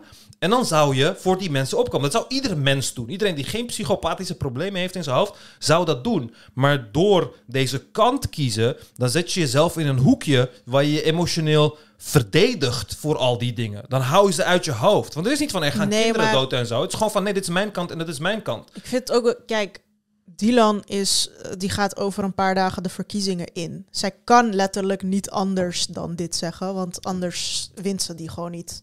Ja, als ik moest kiezen tussen kinderen verdedigen of winnen, dan had ik kinderen verdedigen. Maar dat is blijkbaar het verschil tussen mij en Dylan. Maar een goede leider Ik- voor Nederland verder. denk hoor, dat dat over- moreel over- juist is. Over lijken van kinderen te gaan om eh, stemmen te halen. Is oh, partijplan, Dylan. Ik denk dat zelfs politici die nu pro-Palestina... Bijvoorbeeld die Kautar... Nou, zij is moslim. Die moet niet pro-Palestina zijn. Die moet gewoon anti beide kampen zijn. Er is geen... Als je, dat, je, dat je kritiek levert op Israël, betekent niet dat je, dat je pro-Palestina bent. Daar moeten we sowieso van af. Want hoezo? Kijk, tuurlijk kan je... eh, vanuit compleet rationeel overzicht hoor je... als je compleet rationeel bent, hoor je... ietsje meer aan de kant van de Palestijnen te staan. Waarom? Want zij zijn de onderdrukte. Hè? Het is een apartheidstaat. Israël staat... Ja, Israël... Ja, maar niet alleen de underdog, maar het is ook... Het, er is apartheid. En ze zijn ook de tweederangsburgers. En de macht om dit op te lossen... ligt niet in de handen van Gaza, maar in de handen van Israël. Zij hebben de... Gaza heeft nul macht. Ze kunnen Ja, niks maar doen. weet je wat het Ze kunnen is? alleen schieten. Je hebt het hier over een oorlog tussen Israël en Palestina. Israël heeft er geen belang bij om die oorlog te stoppen, want zij zijn letterlijk de most powerful. Ja. En heel het Westen steunt ze. En dat is kwaadaardig, toch?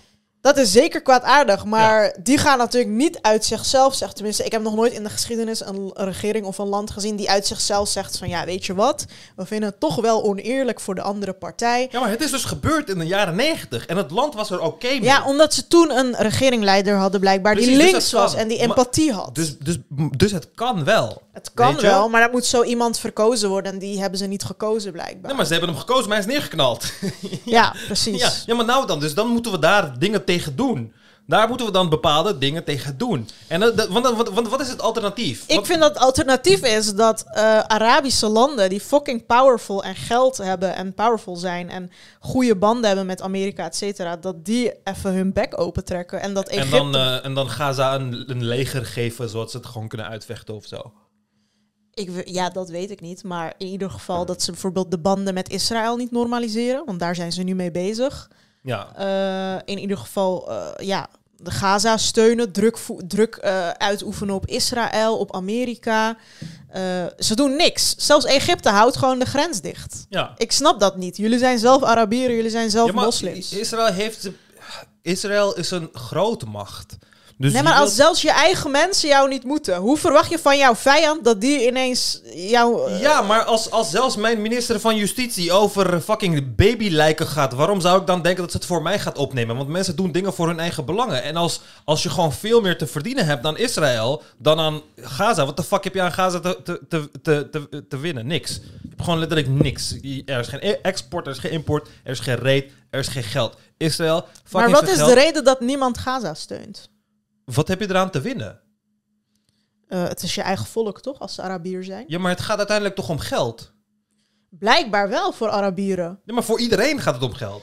Nee, want als het een eh, christelijk volk was, zouden christelijke landen er iets aan doen. Als het een Turks volk was, zou Turkije er wat aan doen. Als het een eh, Joods ik denk, volk ik was, denk niet dan, dat als er... Nee, heb je... Oké, je zegt als Turks volk waren, dan zouden Ja, Turken dan er wat zou. Azerbeidzjan wat doen. Wat heeft- dan zou, Wat eh, heeft Turkije tegen China gedaan toen Oeigoeren werden eh, eh, ja, gesteriliseerd maar en in Oeigoeren zijn gezet? niet echt Turks. Je verstaat Oh, nee, elkaar niet eens. Nee, maar het, zijn wel, het is net zo Turks als dat Saudi-Arabiërs en, en eh, Palestijnen met elkaar eh, verwant zijn. Hebben ze niet dezelfde taal? Dus ik denk dat ze elkaar bijna niet verstaan, nee? Ik weet het niet. Ik heb niet echt inzicht in Arabisch. Oké, Maar maar, maar los daarvan, wat heeft Turkije gedaan op China? Alle Turken waren boos op de Oeigoeren. Ze hebben niks gedaan, Ja, maar waarom hebben ze niks gedaan? omdat het hun blijkbaar niet boeit. Ja, maar als het, als het een, als het een ehm, Armenië was of zo die het hadden gedaan, dan hadden ze wel wat gedaan, toch? Ja, want in de oorlog van Azerbeidzjan en Armenië heeft Turkije Ja, Azerbeidzjan dus, dus gesteund. de reden waarom ze niks tegen China hebben, hebben gedaan is omdat China geld heeft. China is een hele grote handelspartner. Dus daarom denk je, ja, fuck de Oeigoeren. Ook al zijn het Turken, fuck ze. Kunnen kunnen we aan mijn reet roesten. Want zoveel miljard dollar is natuurlijk veel, ja, winstgevender. Je land kan stuk gaan als jij slechte relaties hebt met China. Letterlijk. Ja. Je kan gewoon kan ten onder gaan. Geen En enkel land heeft volgens mij iets tegen China gezegd, toch? Nee. Geen enkel En hetzelfde geldt voor Israël. En daarom Daarom, dat- daarom zie ik het ook somber in dat iemand Israël op de vingers gaat tikken. Want iemand heeft ook niet China op de Ja, vingers maar daarom, maar zolang je dat, zolang je, kijk, zolang je gaat wegkijken, want je moet, kijk, er zijn, er is een openluchtgevangenis gebouwd. Er is een openluchtgevangenis gebouwd en we hebben weggekeken. We hebben gewoon weggekeken en we hebben gewoon ge- gedacht van, oké, we gaan, ja, we gaan het gewoon afwachten en dan af en toe gebeurt er iets, is er weer een ontploffing of weet ik veel wat en dan settelen we da- dan weer door. Maar in de tussentijd hebben gewoon mensen in leed, mensen wiens kinderen, wiens familieleden dood zijn gemaakt, hebben gewoon in leed, leed, daar is die leed en die haat gaan Maar broeien. daarvoor hebben we toch Dus VN en zo opgericht. Ja, maar wat de fuck gaat de, hoe gaat de VN een open, openluchtgevangenis oplossen? Dat is alsof je depressie in de gevangenis probeert op te lossen. Of trauma in de gevangenis probeert op te lossen, terwijl je onrechtmatig vastzit of zo. Dus uiteindelijk kun je... Uiteindelijk, kijk, als we gewoon gaan wegkijken en gaan zeggen van... oh, we kunnen er toch niks tegen doen... dan moeten we ook nooit meer vreemd opkijken als er een aanslag is. Of als er mensen worden vermoord of zo. Dan moeten we gewoon zeggen van... ja, dit is wat we hadden verwacht. Want dit is ook wat we hadden verwacht. Want niemand had gedacht van... oh ja, het gaat nu zo goed tussen de twee. Ja, die zit in een openluchtgevangenis. Die zit op gestolen land. Het is opgelost, jongens. Ja. Dat gaat nooit gebeuren. Maar Dus stel, wij willen het oplossen en we gaan net als toen met eh, die eh, linkse Joodse president, we gaan allemaal onderhandelingen beginnen, dit en dat. Ehm, is, is dat realistisch, dat dat kan? Ik, Als- dat, ik had, eh, als ik Amerika was...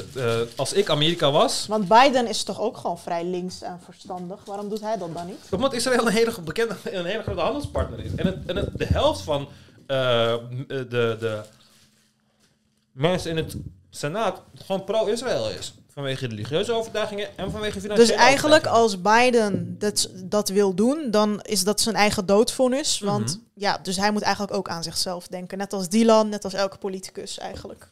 Ja, en dat is dus het probleem. Want dan, als, je, als, dat het, als dat de realiteit is die je hebt gecreëerd, dan moet je ook niet vreemd opkijken wanneer deze dingen gebeuren. Dan kun je niet vreemd op. Dan kun je geen kritiek hebben op deze dingen, want dit is wat we verwachten dat eruit zou komen.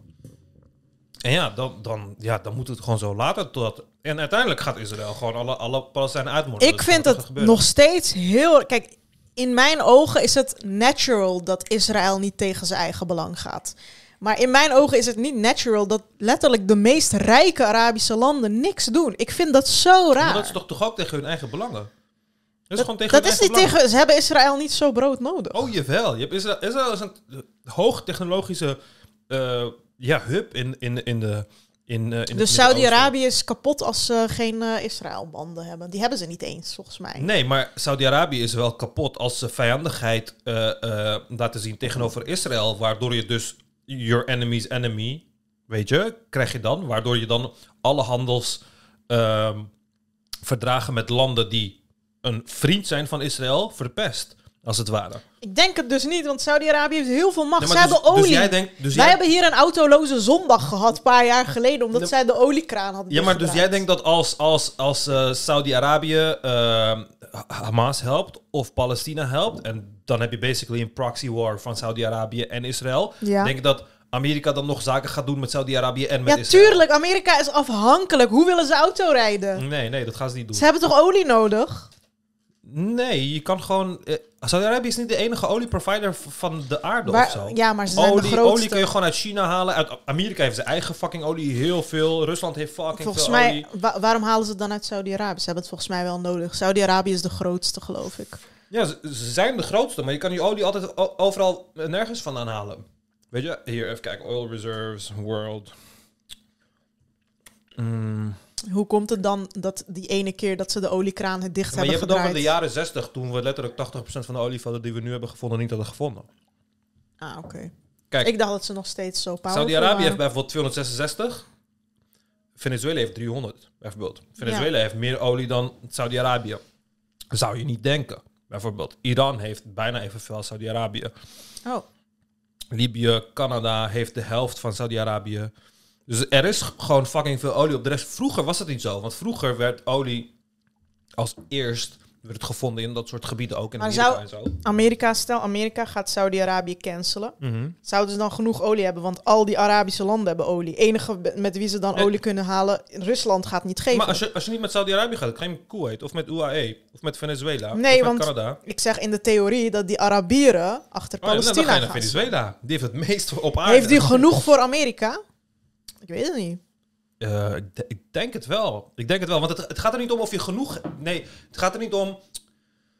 Het gaat niet om de hoeveelheden die je hebt. Kijk, stel je voor, Venezuela heeft meer olie dan, eh, dan Saudi-Arabië, ja? En jij koopt jouw olie van eh, Saudi-Arabië. En Venezuela verkoopt zijn olie dan aan ehm, Zuid-Amerikaanse landen, als het ware. Als jij je olie niet meer koopt bij Saudi-Arabië, dan koop je olie bij Venezuela. En dan denk je van, ja, maar Venezuela verkoopt zijn olie al aan Zu- Zuid-Amerika. Maar dan bied jij gewoon ietsje meer. En dan gaat de olieprijs omhoog. Flink omhoog. Amerika betaalt sowieso niks voor benzine, olie. Dan gaat de olieprijs omhoog en de hoogste bieder, die krijgt de olie. En de hoogste bieder zal altijd, ten aller tijde, de westelijke wereld zijn. Voordat wij geen olie of geen gas hebben, zal de rest van de wereld eerst geen olie en gas hebben. Want wij zullen altijd de hoogste bieder zijn. Wij zullen altijd de meeste Dus jij denkt als al die Arabische landen met olie Gaza zouden steunen. Mhm. En er komt eh, Amerika krijgt geen olie meer en Europa krijgt geen olie meer. Ja, er zijn genoeg alternatieven. Dat we alles uit. Venezuela gaan halen. Ja, bijvoorbeeld. Ik bedoel, Venezuela heeft evenveel als, eh, als al die landen, bijna al die landen bij elkaar. Dus dan, eh, dus dan eh, ja, zal het niet zo lastig zijn. Ik weet niet waar Venezuela nu zijn olie aan verko- verkoopt hoor, maar... ehm, en ja... Ja, 300 in principe. En er worden elk jaar gewoon veel meer bronnen gevonden. Het is niet meer de jaren 60, hoe het vroeger was. Tegenwoordig zijn we echt niet meer zo afha- afhankelijk van olie. En vroeger hadden we ook veel meer eh, olie nodig voor andere, ehm, hoe heet dat? Belangrijke dingen. Bijvoorbeeld alle elektriciteitscentrales die runden op olie, dat soort dingen. Hebben we tegenwoordig ook niet meer. Ja, ik weet niet. Ik vind het raar dat niet in die Arabische landen like, hele grote protesten uitbreken van ja, we moeten onze broeders en zusters helpen of zo. Er zijn wel protesten. Er zijn heel veel eh, pro-Palestina-protesten, maar ja, dat eh, zul je hier weinig zien.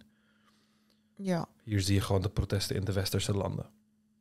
Maar daarom, kijk, het, Maar ik vind het dus, eh, dus, dus eigenlijk wordt Palestina door hun eigen soort van allies, natural allies, Arabieren, moslims, compleet aan hun lot overgelaten. Mhm. Turkije scheidt, Saudi-Arabië scheidt, iedereen heeft scheid, want ze leveren geen geld op. Nee, maar ze leveren wel kritiek, maar ja, kritiek waar je niks aan hebt. Ja, maar tegelijkertijd, kijk, het probleem is, want dit is heel vaak gebeurd, ook vanuit Nederland.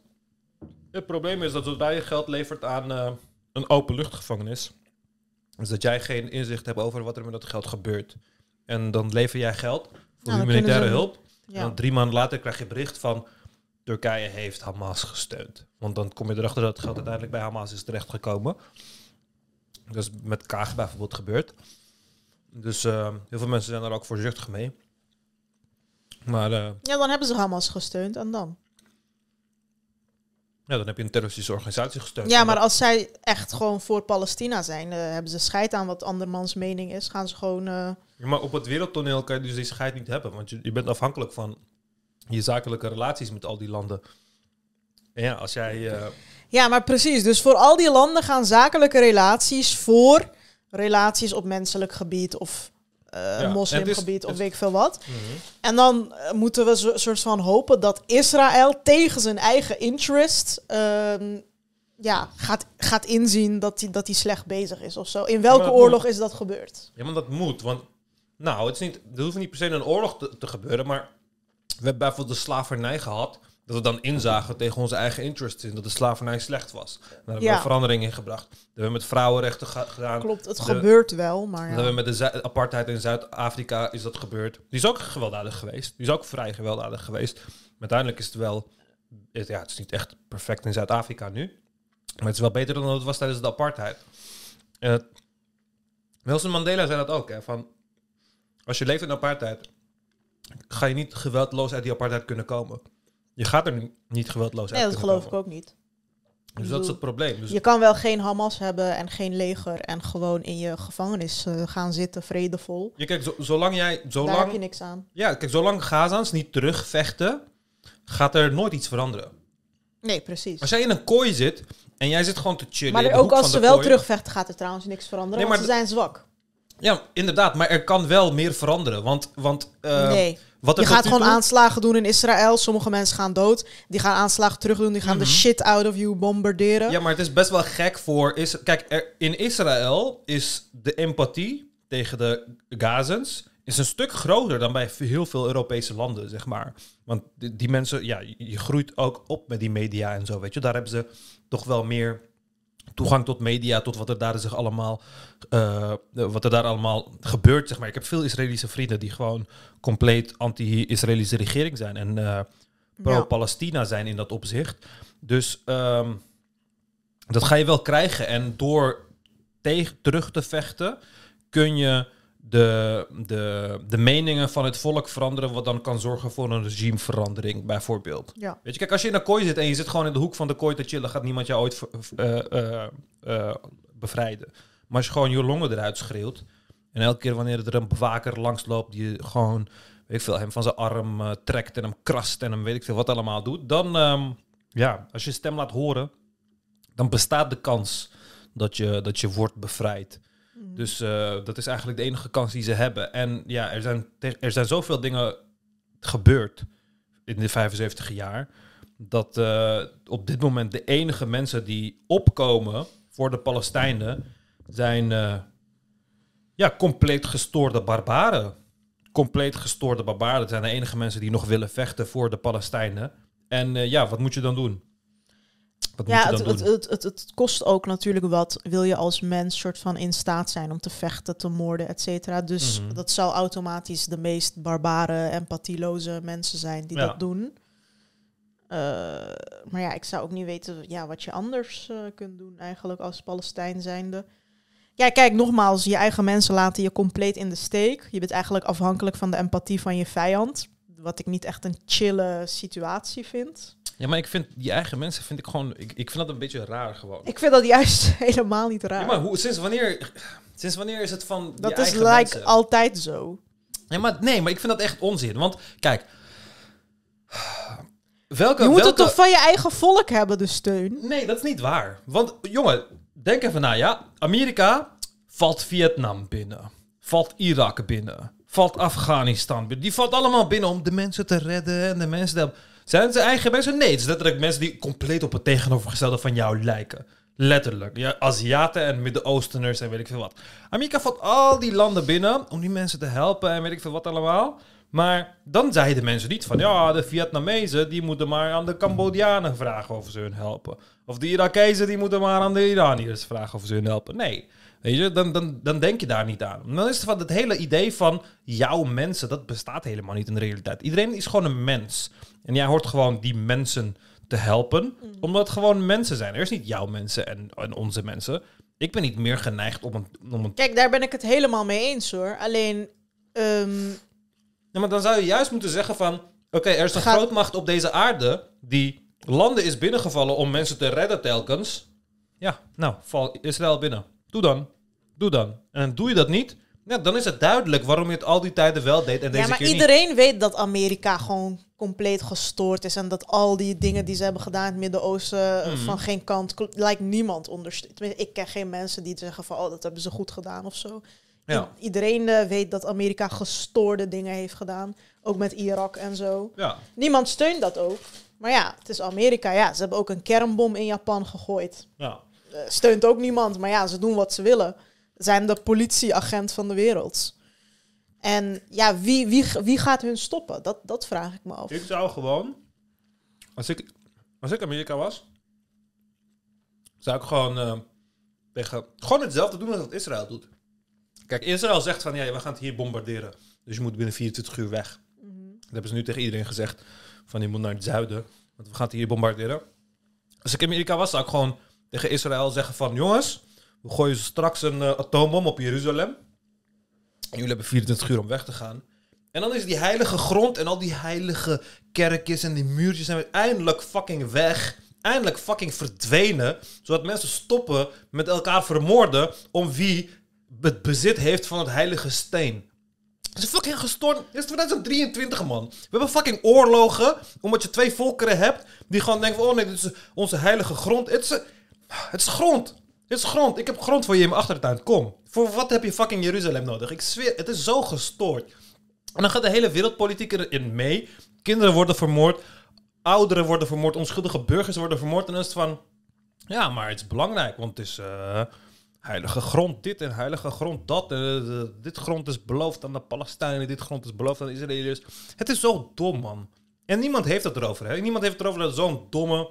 Dat, de- dat deze oorlog zo'n domme religieuze basis heeft. Als het twee moslims waren... Ja, je kan het er wel over hebben, maar wat bereik je ermee? Ik bedoel, je gaat niet geloof uit hun hoofd rukken of zo. Nee, maar als het twee moslimgroeperingen waren die, weet ik veel, om de Kaaba aan het vechten waren of zo, dan was het echt van, ja, kijk, ze zijn gewoon onderontwikkeld en barbaars en weet ik veel wat allemaal. Maar ja, wanneer Israël, eh, de hele regering is van, nee, heilige grond, deze heilige grond moet van ons worden, want Mozes liep hier, of weet ik veel wat allemaal. Dan denk ik van, ja, hoepel een eind op, man. Enge mensen dat jullie zijn. Ja, maar bij seculiere Israëliërs gaat het natuurlijk niet om de heilige grond. Ja, nou dan. Dus voor hun maakt het letterlijk geen reet uit. Dus gewoon plat bombarderen, Jeruzalem, al die, al die Al-Aqsa en zo. Allemaal plat bombarderen.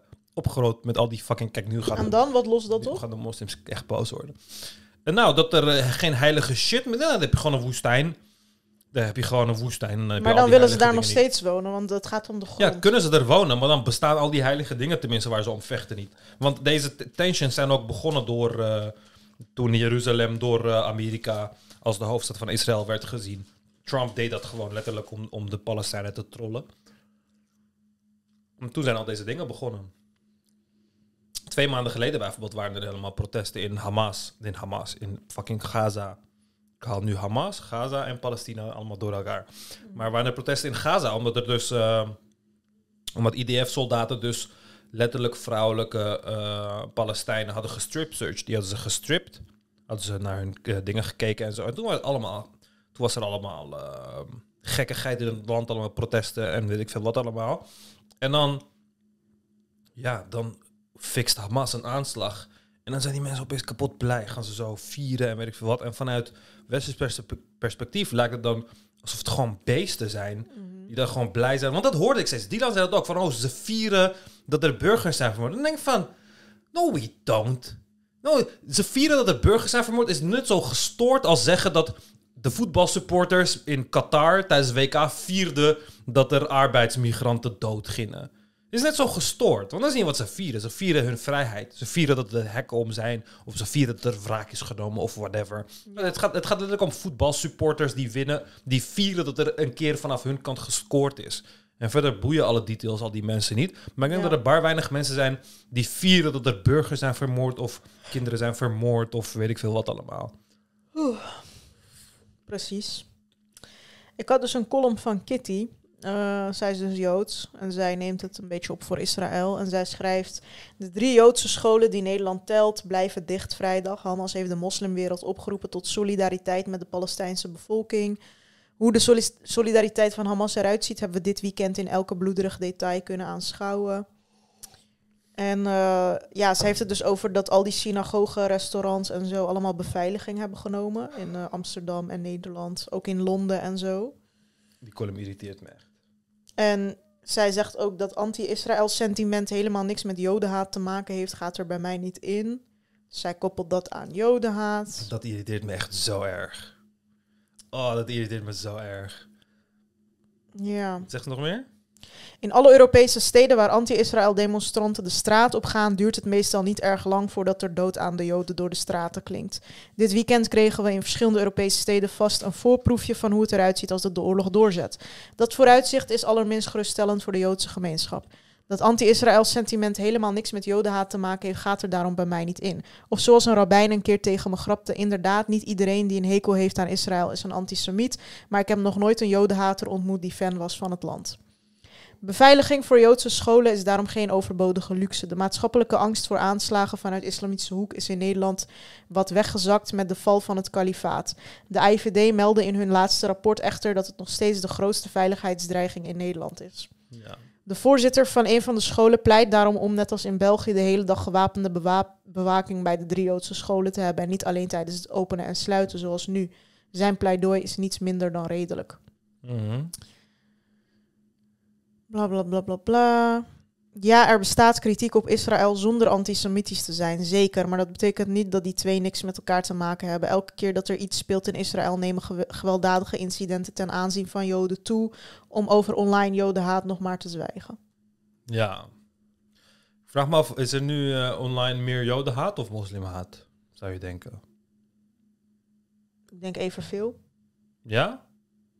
Ja, want ja, ik weet het. Ja, Kijk, in Nederland zou je kunnen denken evenveel. Omdat je dan op social media gaat en dan zie je hele actieve allochtonen en zo. Maar wanneer je kijkt naar het wereldtoneel, wanneer je naar een Amerika zou kijken of zo. Want de meeste mensen, hè, ik bedoel, is maar, maar een paar procent die moslim is hè, in de westerse wereld. De meeste mensen zijn gewoon pro-Israël. In de westerse wereld is dat gewoon zo. en in de Arabische wereld juist is iedereen pro-Palestina. Dus ja, daar precies. zou Maar, wel in, meer ja, maar ik, ik heb het over onze, onze wereld, zeg Ja. maar. Eh, zal het zo zijn? En het is ook zo dat ehm, islamofobie een groter iets is in de westerse wereld dan antisemitisme. Is dat zo? Dat is ook. Ja, ik denk, denk je dat er, eh, denk je dat er meer. ehm, Dat betwijfel ik hoor, dat weet ik niet. is er meer kritiek op moslims of op joden? Op moslims, maar... Ja, is er ik- meer ik had- haat op moslims of op joden? Op moslims. Ja, ik, ik weet het eerlijk gezegd niet. Ja, dat moet je onderzoeken, weet ik veel. Hmm, ik denk dat misschien. Misschien is er een. eh, Ik weet wel dat er heel vaak interviews zijn waarin mensen zeggen: Ik draag geen keppeltje meer, want dan. eh, ja, dat durf ik niet meer. eh, bla, bla. En ik heb niet echt gelezen van. 2016. Even kijken. Hoe verhoudingen zich tot elkaar. 17. eh antisemitisme in Nederland. 22. Pagina 22. Eh, bla, bla, bla. Geef me gewoon duidelijke cijfers, man. Al deze tekst. Ehm, nou, ik, eh, ik zie geen duidelijke cijfers. Maar, eh, maar ja, dat dus. Maar eh, wat zij dus ook zei, wat ik heel jammer vond, dus, dus dan, dan focust ze zo op de, op de protesten.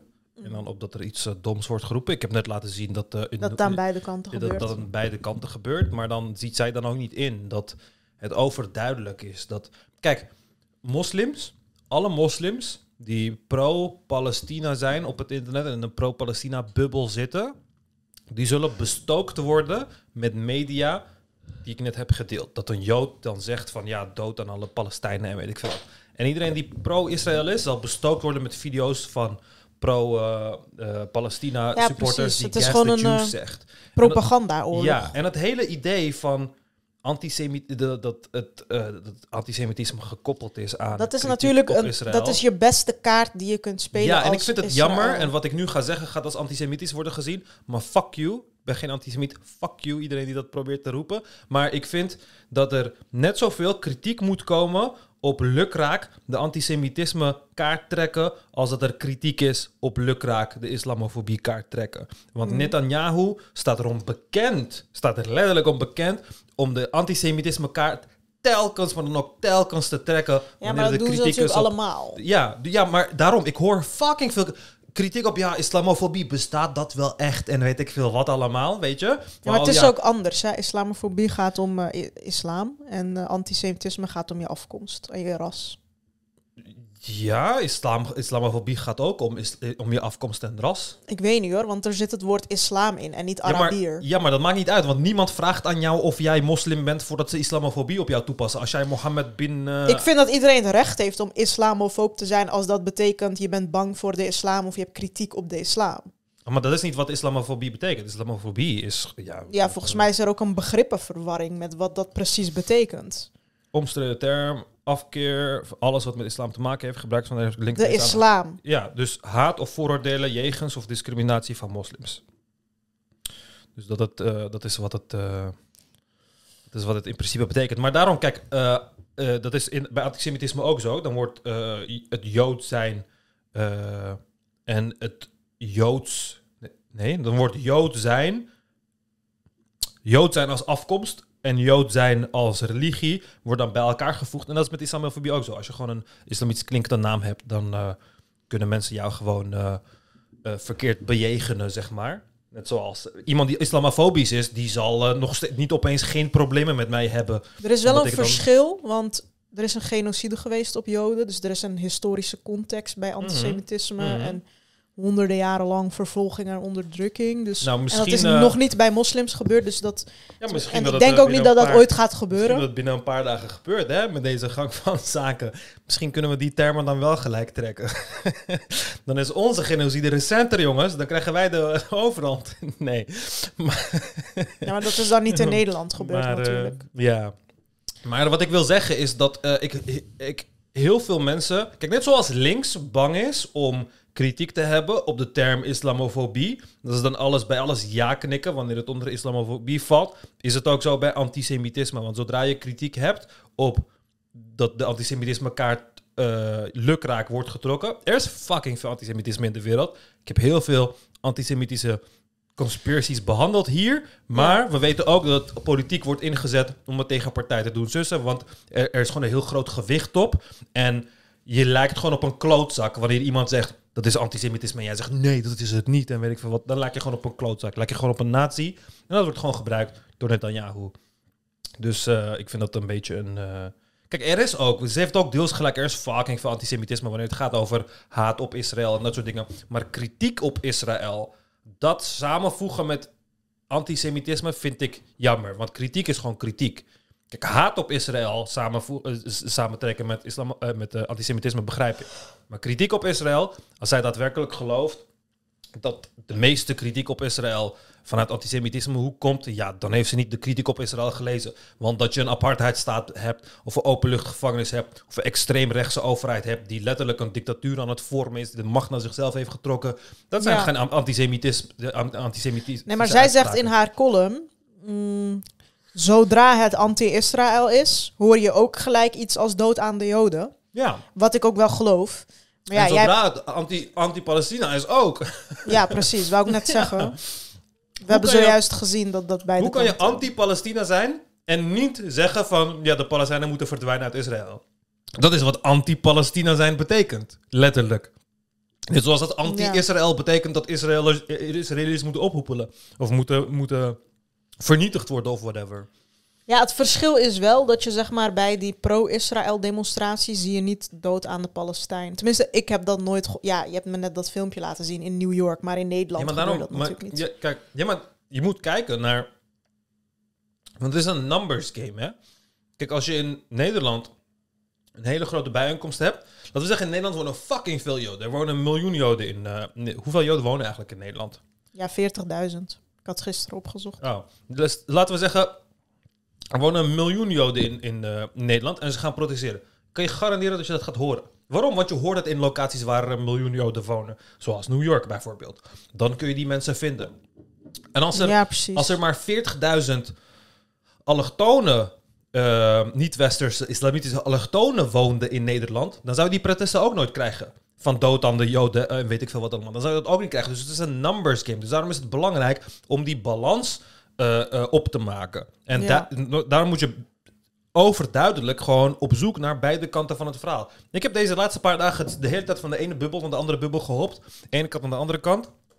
En dan zie je gewoon dat ze dezelfde misinformatie delen. Maar dan claimt de ene dat de Joden het hebben gedaan en de andere dat de, eh, de Palestijnen het Ja. hebben gedaan. En dan zeggen ze, maken ze elkaar uit voor beesten en ik. Dan denk ik van, jullie zijn hetzelfde. Jullie zijn hetzelfde. De ene doet het misschien guerrilla warfare en wat bloederigere. En de andere doet het door knopjes in te drukken en maakt maar dood nog steeds meer kinderen en weet ik veel wat allemaal. Maar jullie zijn exact hetzelfde. En de haat zit er aan beide partijen in. Daarom haar hele betoog is dan ook van alsof er geen, alsof in Israël niet het idee heerst van we moeten de Palestijnen wegroeien.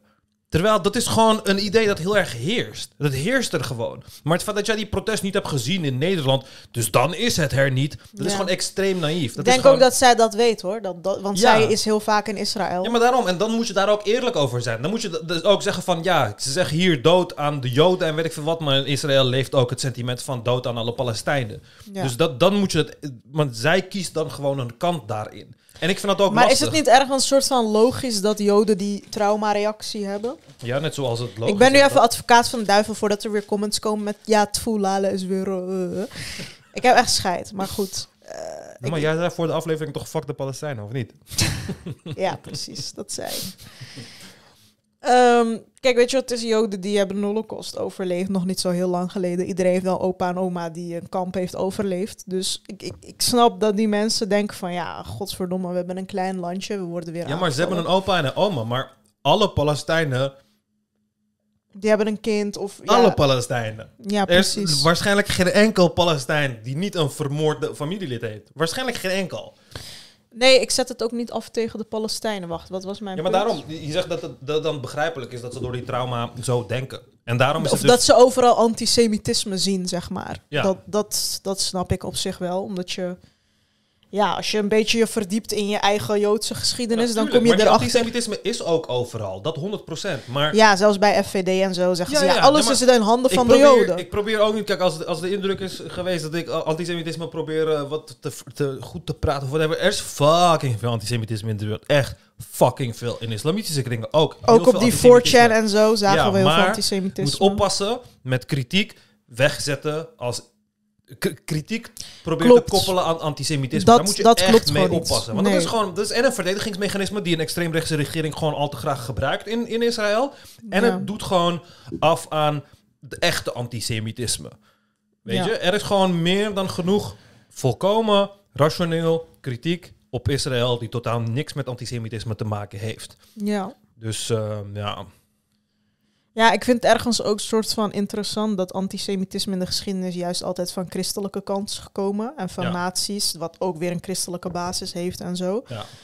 En eigenlijk nooit van islamitische kant in de geschiedenis. Ja. Volgens mij hebben Joden vrij vredevol geleefd overal. Dat kwam pas eh, toen eh, alle, al de Joden werden geïmporteerd zo naar Israël. Gewoon random. Ja, en toen is Israël ontstaan en nu is Ja. juist heel die islamitische wereld eh, antisemitisch, terwijl ze dat nooit in de geschiedenis zijn geweest. Ja. En nu wordt die antisemitisme kaart dus de hele tijd getrokken bij die islamitische wereld, terwijl die islamitische wereld heeft geen genocide op jou gepleegd. Dat was hier gebeurd, niet daar. Ja. Dus dat, ja, dat is ook niet echt logisch.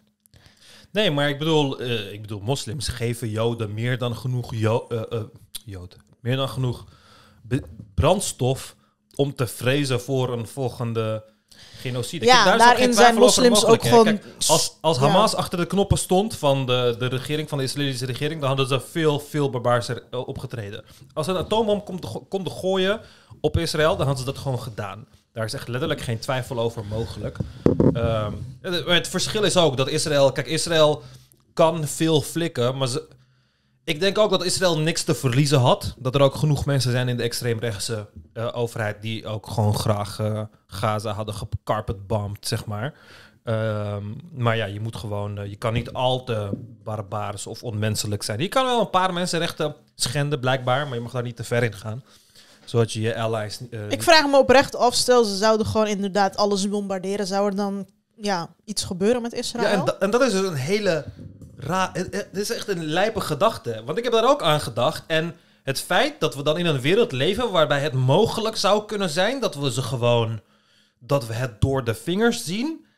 vertelt echt heel veel over ons eigenlijk. Maar ja, ik bedoel, weet je, het verleden heeft laten zien dat het. eh, niet echt een probleem is. Ik bedoel, Amerika heeft ook gewoon ja, atoombommen je zegt op, wij, eh, maar je bedoel je wij burgers of onze regeringen? Want ik heb niks te maken ja, ik met bedoel, wat ik bedoel gewoon doet. de mensheid, weet je. Het feit dat... dat Ja, maar je kan wel als burger soort van dat willen, maar als jouw regeringen dat niet doen, ja, ik weet niet, wat kun je dan doen? Ja, niks. Want ja, kijk, Amerika heeft ook atoombommen gegooid op... eh, Ja, en Op- dat wilden ook op niet de. Amerikanen. Ja, maar daarom. Maar, en eh, is er iets gebeurd? Nee, het is nog steeds grootmacht van de wereld.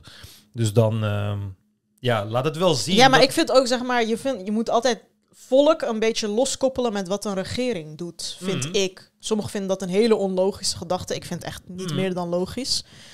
Want je hebt daar niet zoveel macht op als volk. Ja, je hebt verkiezingen om de vier jaar. Je, je kiest op een paar punten. Mhm. Je kijkt niet naar wat ze van Israël vinden of zo. Maar het toont wel aan dat al die regels en wetten en mensenrechten en universele rechten van de mensen, weet ik veel wat, die Ja, die worden zo makkelijk aan de laars ja, gelapt. dat ze eh. eigenlijk niks betekenen. Het zijn nee. gewoon van die verzonnen concepten die we gewoon hebben neergezet, die ons een goed gevoel geven over onszelf. Van, hé, hey, kijk hoe goed we bezig zijn. Maar dat wanneer wij dat willen en wanneer je machtig genoeg bent, je ze gewoon eh kunt negeren. Ja, Je ze gewoon ge- negeren. Ik had een keer gelezen toen die ophef was over die eh, regenboogband bij voetballers, weet je wel. Bij Moslim, die One Love Band, ja. ja, moslims voetballer, moslimvoetballers wilden dat niet dragen. Eh, daar was toen hele ophef over. Ja, moslims eh, zijn anti-homo, dit en dat. Werd gezegd. En toen had iemand gecomment van... Als zij echt zoveel om mensenrechten zouden geven... en om gelijke rechten en zo... dan zouden ze ook tegen Israël zijn. En op zich is dat wel, een soort van ergens is dat wel te begrijpen. Want als jij claimt de moral, is de, eh, hoe noem je dat, moral high ground te zijn, dan eh, moet je natuurlijk wel consequent zijn. Als je niet consequent bent, dan ben je niet geloofwaardig. Mhm. Dus ergens is die gedachte ook wel logisch. Van ja, je wilt ons berispen omdat wij anti-homo zouden zijn. Maar je bent zelf ook niet altijd eh, aan de juiste kant. Dus Ja. hoe verklaar je dat? Ja, precies. En waarom is er dan geen Palestina-band? Zeiden ook sommigen. Ja, ik denk dat het uiteindelijk gewoon duidelijk is dat ehm, in deze wereld ehm, geld meer telt dan ehm, ja, ethiek of eh, moraliteit. Ja, maar op zich is dat nothing new, toch? ik weet niet. Nee, maar het is gewoon wel een moeilijke... Ja, moeilijke conclusie. Ja, het is een moeilijke... Het is een deprimerende realisatie. Weet Ja. je, want als burgers... tenminste, Ik weet ook niet of dat waar is. Ik wilde zeggen, als burgers zijn we wel zo. Als burgers geven we wel meer om mensenlevens aan geld. Maar ik denk ook niet dat dat waar is. Nee, kijk, sommige burgers die volgen geen eens nieuws. Dus ja, die, eh, sommigen doen dat wel. Die zijn Ja. dan eh, voor de ene partij of voor de andere partij betrokken ermee. Maar wat kun je doen als burger? Ik, eh, in mijn bubbel is iedereen pro-Palestina trouwens. Nou, blijkbaar is het enige wat je kan doen is Hamas joinen. ja, dat is blijkbaar het enige wat je kan doen. Eh, ja, of, of, of je moet soort van ja, lob- lobby's oprichten of zo, weet ik veel. eh, Maar daarom er is dus niemand die... ehm, die daar moeite de- voor wil ja. doen.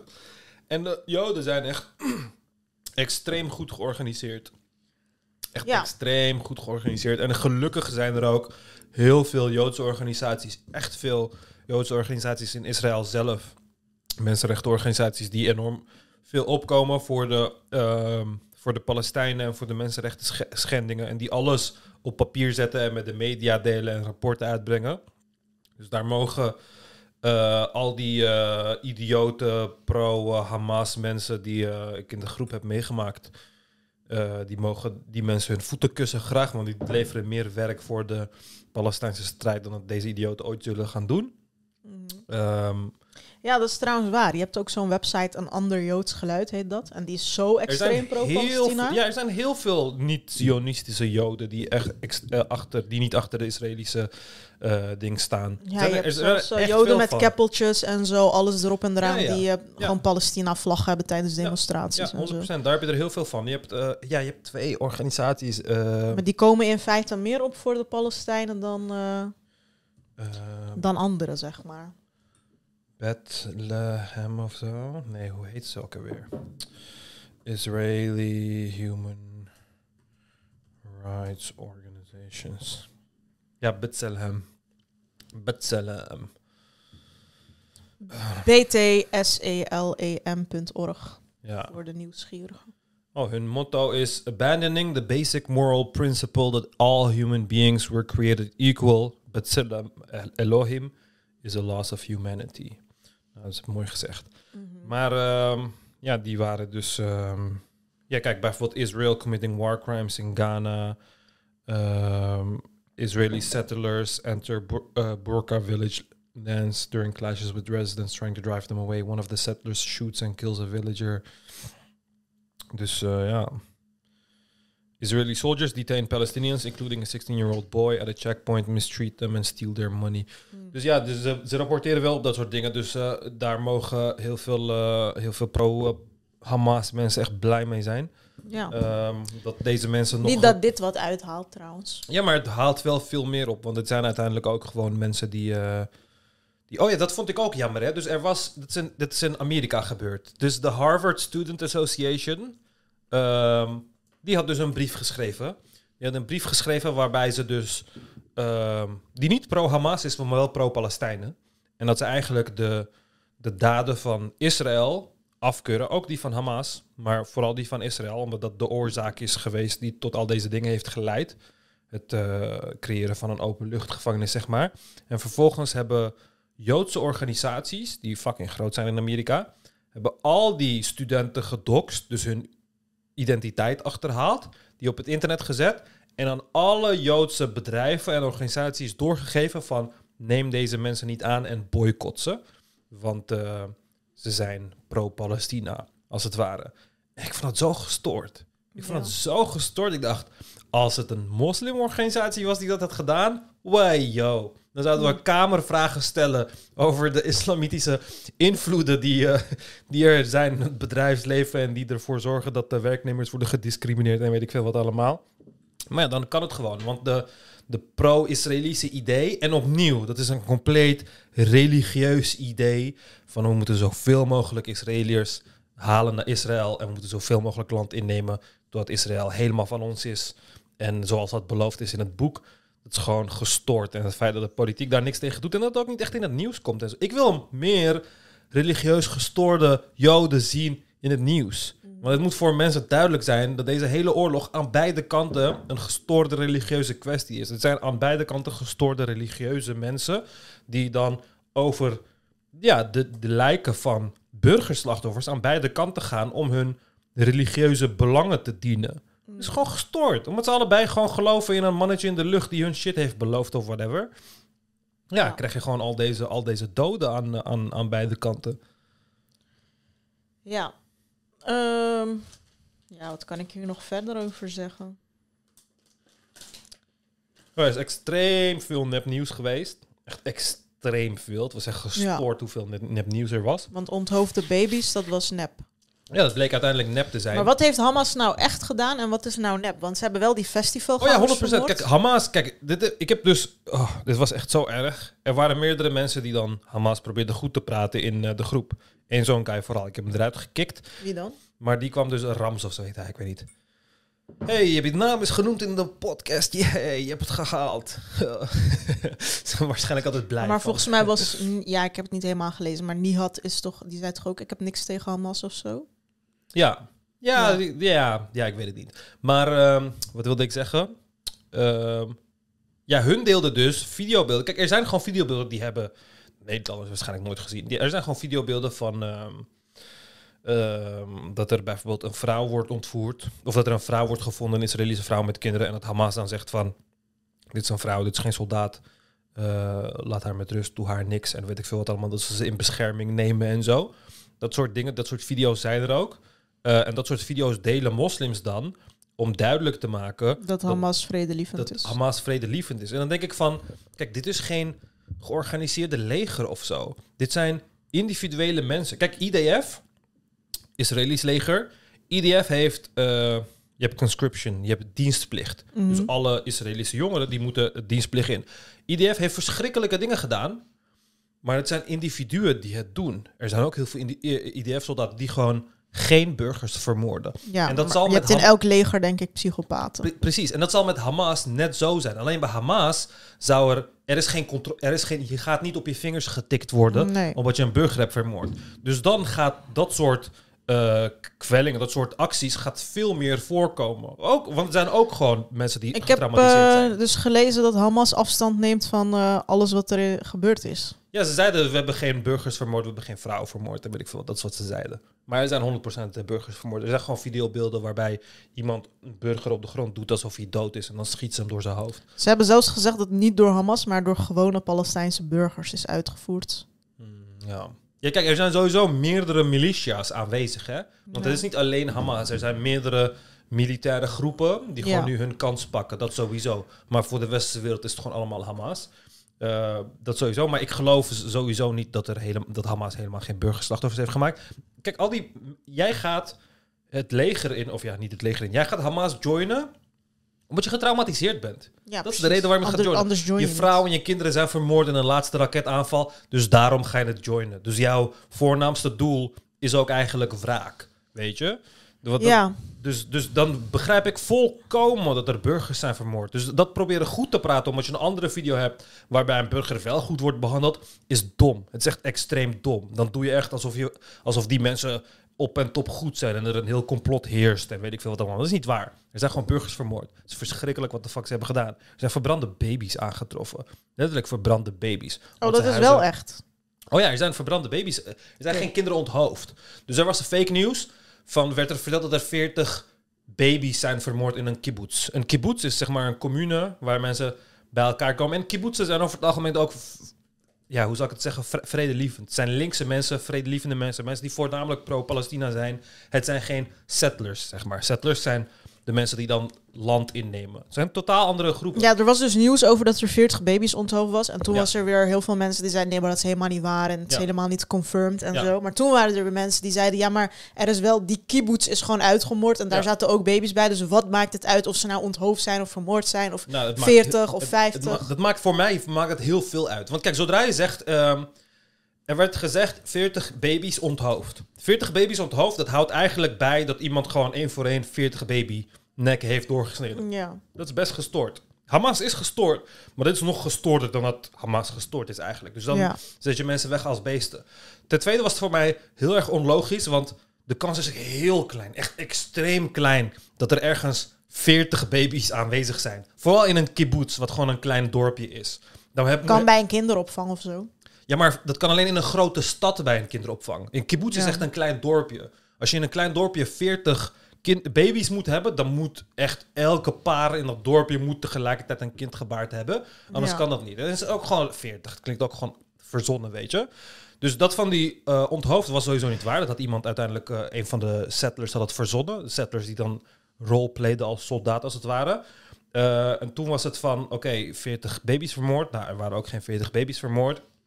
Maar er waren wel gewoon baby's in die kibu- kibbutz. En die kibbutz was wel uitgemoord, toch? Pre- Precies, precies. Er zijn, uiteindelijk zijn er, zijn er wel baby's vermoord. Dus er zijn baby's vermoord. Dat 100%, dat is 100% gebeurd. Alleen Ja. het hele idee dat ze dan een baby hebben gepakt en zijn keel hebben doorgesneden. En het was voor mij ook onlogisch, omdat ook al ben je extremistisch moslim, dat mag niet van, van de islam. Dat mag Ja, letterlijk dan- niet. Ja, als we gaan discussiëren over wat wel en niet mag... daar Nee, maar, je nee, maar los uit. daarvan. Kijk, als er 40 zijn, dan is het een systematisch proces. En Ja. zelfs ISIS, wat het meest vrede is, wat er was op aarde qua islamitisch geweld, heeft niet kinderen onthoofd. Weet Nee. je? Dus dan is het duidelijk dat het iets verzonnen is om jou neer te zetten als compleet dier. En het is altijd gebeurd in, in oorlogen van, oh ja, ze snijden de buiken van zwangere vrouwen open en weet ik veel wat allemaal. Is in elke oorlog wel eens verteld, omdat je de tegenstander probeert neer te zetten als complete dier. En Hamas, die mensen die onschuldige mensen hebben vermoord en kinderen hebben vermoord, zijn dieren, maar ze zijn niet zulke dieren. En het is dus best wel disrespect tegenover de realiteit en de slachtoffers om ze weg te En ik zetten. vind het ook onnodig om te overdrijven, want de realiteit Precies. is erg genoeg. Precies, inderdaad. Nou, maar, ja, maar daarom, je neemt kracht weg van de eh, realiteit. Want dan moeten we gaan discussiëren of baby's onthoofd zijn of vermoord zijn. Terwijl Ja. het maakt niet uit voor, voor... Ja, de baby's zijn gewoon dood. Maar als jij dan wil, de wereld in wilt helpen dat de baby's onthoofd zijn... dan probeer je een slechte situatie nog veel slechter te maken... voor een soort van politiek gewin eigenlijk bijna. Weet Ja. je? Uiteindelijk heeft zelfs Biden het herhaald... dat hij foto's heeft gezien van onthoofde baby's. Uiteindelijk heeft Ja, ik heb het ook in mijn column geschreven. Godverdomme, ik kom morgen online. Maar Ja. eh, ik wist ook niet dat het fake nieuws was. Ja, en uiteindelijk heeft de Jeruzalem, eh, of nee, niet, niet Jeruzalem, heeft de prime minister. ehm, even kijken, ik kan je wel de foto's laten zien. Hebben ze uiteindelijk de foto's gepubliceerd. En het, waren, het was één foto van een eh, dood kind en ehm, één foto van een ehm, verbrand kind. Nou, ik hoef het niet te zien. Nou. Eh, mijn maag draait zich al om. Ja, precies. Nou, dat, Oh. twee eh, verbrande kinderen en eh, één dood kind. En ja, dat is extreem erg. Maar dat is ook wat ik eh, wilde zeggen. Is, kijk, wat er hier uiteindelijk is gebeurd. Die de verbrande kinderen. Dus wat ze doen is, heel veel Israëlische mensen hebben een safe house in hun huis. Dan wanneer er iets gebeurt, dan sluit je zelf op in de safe room, zeg maar. Sluit jezelf daarop. Dat heeft dan beveiligde muren en weet ik veel wat. Zodat je daar veilig bent tijdens een Alleen al dat ze dat hebben, zegt echt wat voor Ja, getraumatiseerd maar natuurlijk, want je zit, je zit, je let, er worden over en heen worden raketten ge- eh, eh, afgevuurd. Ja. Dus ehm, wanneer mensen dan daarin zichzelf opsluiten, eh, ja, de, ja, dan zit je daar en dan wacht je tot je wordt gered. Maar Hamas die steekt gewoon alle huizen in de fik. Dus ehm, ja, als je je daarin hebt opgesloten, dan ga je gewoon levend verbranden. En ehm, oh, er zijn gewoon, er zijn gewoon baby's levend verbrand, man. ja. Dat is echt. ehm, ja, dat is echt heel erg. Maar. ehm, oh, moet je je voorstellen hoe die ouders gaan zijn. Moet je je voorstellen hoe je zou zijn als jouw eh, kind, als jouw baby levend verbrand was? Kijk, ik kan gewoon hier zeggen, als ik een Palestijn was en mijn baby is vermoord of mijn familieleden zijn vermoord, zou ik ook Hamas joinen of steunen. en als ja. ik een Israëliër was, ja, dan zou ik eh, ook. eh, Ik heb dat ook in de groep gezet. Als ik Joods was en ik krijg godverdomme heel mijn leven al te horen dat er raketten over ons vliegen en weet ik veel wat. Of dat, Ja. dat een vrouw naakt door de straten gesleurd wordt of zo. En heel mijn leven is al die, is, is er gewoon gevaar op aanslag, dit en dat. Iran is bezig met kernwapens. Alle landen om ons heen zijn tegen ons. Ja. Ja, dan zou ik ook eh, harteloos zijn tegenover, eh, ja, misschien Palestijnen of zo. ja. Of dan zou ik ook het leger joinen. Want volgens mij moet ook elke Israëliër het leger Mhm. joinen en zo. Ja. Ja, het is echt lijp. Maar eh, de hoeveelheid mensen... Er was ook diezelfde guy die ik uit de groep heb gegooid. Die eh, viel dan voor... Dan had iemand die foto van die kinderen door zo'n eh, AI-ding gehaald. Van is het AI gegenereerd of niet? En dan zei die website dat het AI gegenereerd was. En dan, maar die website was gewoon onzin. Ik had mijn eigen foto erop gegooid. En daar, daarvan zei hij ook dat het AI ge- gegenereerd was. Maar dan denk ik van... ehm, ja, je wilt gewoon niet geloven dat er kinderslachtoffers zijn gevallen aan jou, door jouw kant, zeg maar. Maar waarom? Waarom wil je dat niet geloven? Denk je echt dat er een mogelijkheid bestaat dat jij urban warfare gaat uitvoeren? Letterlijk oorlog in stadsgebied, in dichtbevolkt gebied. En dat er geen onschuldige slachtoffers gaan vallen? Denk je dat het echt mogelijk is? Dat kan niet. Dat kan niet. Dat kan letterlijk niet. Als je barbaarse shit gaat doen, zoals het binnenvallen van een dorp, dan gaan er barbaarse En het is ook gewoon zwak om het te ontkennen. Ontkennen Precies. is het zwakste wat je kunt doen. Precies. Of own het, of eh distancieer je ervan. Precies, want het, het, is ook, het, het laat ook zien dat je echt in zo'n kinderachtige manier van denken zit. Dat je daadwerkelijk gelooft van wij zijn een en al goed en zij zijn een en al slecht. En het is zo'n vertekend beeld van de realiteit. Zo'n vertekend beeld. Weet je, en daarom haat ik dat hele kant kiezen of pro-Israël zijn of pro- pro-Palestina zijn. Er zijn kinderen dood, man. Aan beide... Ah, ik, elke keer moet ik bijna janken wanneer ik het zeg. Het zegt kut, ik wil echt niet janken voor camera. Maar er zijn fucking kinderen dood, man. Aan beide kanten. En Ja. het feit dat er dan zo disrespectvol mee wordt omgegaan, is gewoon hartverscheurend, vind ik. Want we- dan zitten we hier heen en weer allemaal dingen te bespreken van... oh ja, nee, eh, Palestina is schuld, nee, Israël is schuld. Terwijl Ja. er gewoon ouders zijn op dit moment die compleet van de kaart zijn... omdat hun kinderen gewoon weg zijn. Hun, hun baby's zijn gewoon weg. Ja. Weet je? Dus eh, nou, eh, ja, nou, ik ga niet meer over dode baby's praten, want ik ga echt keihard janken straks.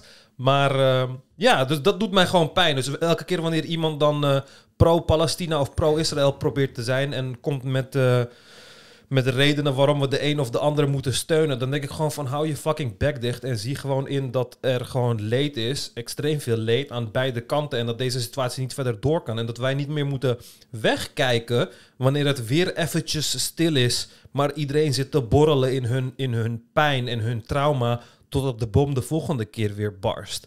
En daarom vind ik dat de internationale gemeenschap ook hier iets tegenaan moet doen. Er moet gewoon hier iets tegenaan gedaan worden. Want het kan niet zo verder. We weten dat de huidige regering van Israël niet oplossingsgezind is. We weten dat de huidige regering van Palestina niet opge- eh, oplossingsgezind is. Dus weg ermee. Het is gewoon weg ermee. We weten dat beide, beide kanten, dat de meeste van de burgers dit niet willen. Ze willen dit niet aan beide kanten. Dus ja, voor wat zijn we nog bezig? Gaan we, gaan we weer afwachten tot dit is afgelopen? En dan over twee jaar is het weer raak. Weet je, het slaat echt helemaal nergens op, man. Ja, en weet je wat ook het vermoeiende is? Ik heb letterlijk al heel mijn jeugd moeten horen in de moskee dat er Mhm. kinderen doodgaan in Gaza, dat er Mhm. zakken rondgaan. Ik weet nog dat mijn moeder van die aanzichtkaarten kocht met eh, huilende moeders erop getekend. Mhm. En dat, dat ze zo die baby op een graf legt. Ik weet het nog heel goed. Dat werd in de Ramadan en zo verkocht. Eh, en dat er aangebeld werd om geld op te halen voor Gaza. Want eh, die oorlogen zijn volgens mij al zo vaak geweest. Ja, het is al 75 jaar gaande. En Ja. alle, Turk, alle Turks, alle islamitische jongeren zijn ook opgegroeid op social media door filmpjes. Al 15 jaar van ouders die hun dode kinderen uit het puin halen en zo. Ja, Weet precies. je? Dus de schade die je daarmee doet. Want daarmee zeg je ook als wereld tegen de moslimjeugd van... Ja, het boeit niet. Het boeit niet. De levens van die mensen boeit niet. En dat is gewoon heel verschrikkelijk. Dat is allemaal schade die je aan gaat doen in bepaalde communities die gewoon moeilijk weer recht gaat kunnen trekken.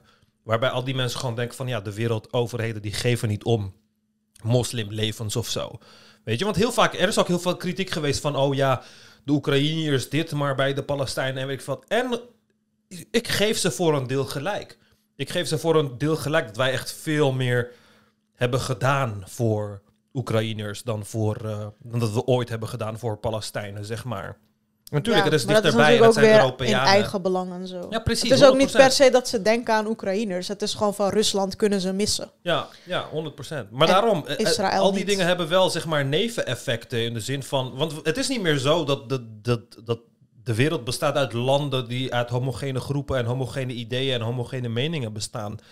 De- alle landen bestaan nu uit verschillende groepen met verschillende meningen. En zodra jij de een of de andere voorttrekt en daar niet ja, eerlijk in bent, dan ga je onevenwichtige eh, landen krijgen met onevenwichtige ehm, ja, ideeën in de populaties van hoeveel de overheid om zich geeft of niet geeft, of hoeveel, of hoeveel de wereld om zich geeft of niet geeft. En dat gaat eh, leiden tot heel veel chaos. Ja. En dat allemaal omdat we, ja, omdat we, omdat mensen hun heilige land willen of weet ik veel wat allemaal. Het is echt gestoord, man. Ja, ik vraag me af. eh, sommigen zeggen ook dat dit de derde wereldoorlog wordt en zo. Ja, dat denk Ik vraag me af hoe het verder gaat, wat de invloed is op de verkiezingen. Ik ben echt down om een atoombom te droppen op Israël. Samen met de Palestijnen en zo. Geef iedereen gewoon eh, een week om weg te gaan. Drop een atoombom op die plek, alsjeblieft. Wat, wat lost dat nou weer op? Nou, dat eh, ze gewoon van nul moeten beginnen en samen moeten opbouwen en zo. Alsof ze dat gaan doen. Ja, nou, dan moeten ze dat doen. Dan eh, pistool tegen hun kop en dan moeten ze dat doen. Ja, sorry, ik vind het echt... eh, ik vind- Misschien zijn er andere oplossingen dan een ik, atoombom. ik vind het echt... ja, vast wel. ik, zeg het ook al, al- alleen maar als grap. Als semi-grap. maar ehm, ja, kijk, het is duidelijk dat we niet onze handen ervan af kunnen houden en denken van, oh ja, we laten het gewoon en kijken waar ze uitkomen of zo. Want het gaat gewoon niet gebeuren. Plus als je een atoombom gooit, dan eh, heb je toch ook onschuldige kinderen, baby's. Nee, je geeft gewoon een week tijd om weg te gaan. Ja, waar moeten ze weggaan? Die Gazanen kun je nog niet eens naar Egypte gaan. Ja, gewoon eh, ergens eh, de woestijn in, in, het- in het Ja, zuiden. dan uitsterven. Ugh, ja. Ja, ik zou, kijk, als ik Amerika was, dan zou ik gewoon Israël binnenvallen. Regering uitmoorden. Palestina binnenvallen. Regering uitmoorden. En vervolgens gewoon... eh, Is het niet ergens, daar, dat dacht ik laatst ook, is het niet de taak van de Britten om het op te lossen? De Britten hebben dit voor fucking Ja. Britten, jongen. Het zijn altijd de fucking Britten. Ja, en nu hebben ze helemaal geen mening erover of zo. Tenminste, ik weet het niet, maar Fucking Britten. Toen Eigenlijk Palestina moet- van, van ons was, toen het van de Turken was... ging was het best goed. Ja, ging het echt goed. Gewoon 400 jaar eh, best wel veel vrede daar. Maar eh, ja...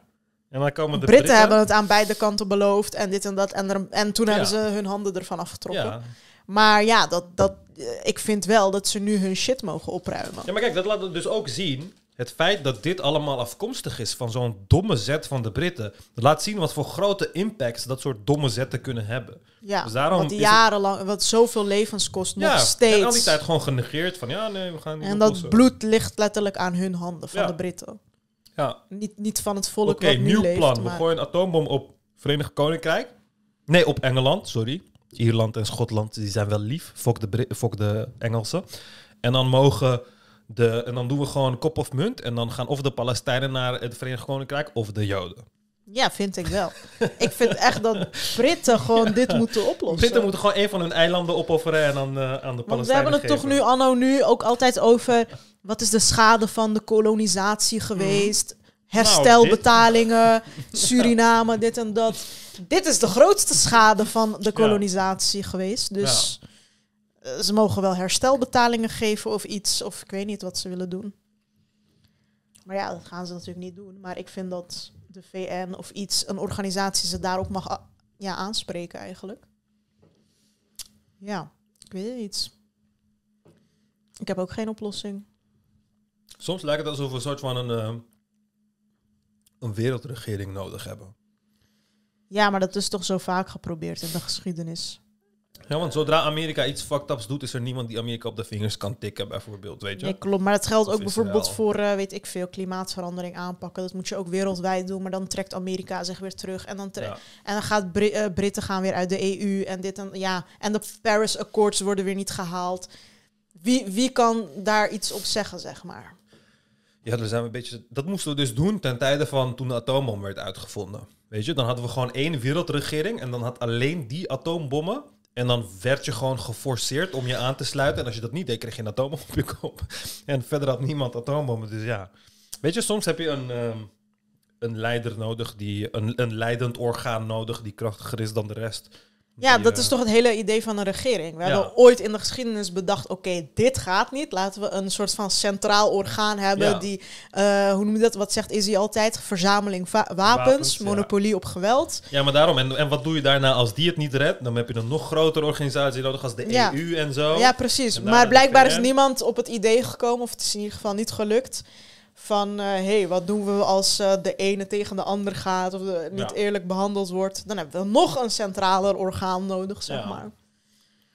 Nou, ik denk Ja, dat... het probleem is dus altijd mensen. Het is altijd mensen. Ja, precies. Ja, en ja, weet je wat is? Ik, ik, ik blame mensen niet omdat ze partijdig zijn. Ik bedoel, als je Arabier of moslim bent, snap ik helemaal dat je pro-Palestina bent. En als je Jood bent, snap ik ook helemaal dat je pro-Israël bent. Ehm, omdat je nieuwsvoorziening en zo is allemaal super gekleurd. De verhalen die je hoort, je emoties spelen, je wraakgevoelens. Dus ehm, ja, ik vind het ook moeilijk om... eh, ja, maar goed, je hebt, je hebt eigenlijk net uitgelegd dat Israël vooral de boeman is. Ja. Nou, Ja, kijk, beide partijen zijn sowieso schuldig. Nu klinkt het weer alsof ik een pro-Palestina... Eigenlijk ben ik wel meer pro-Palestina. Ik, ik ben gewoon... wat maakt jou niet pro-Palestina?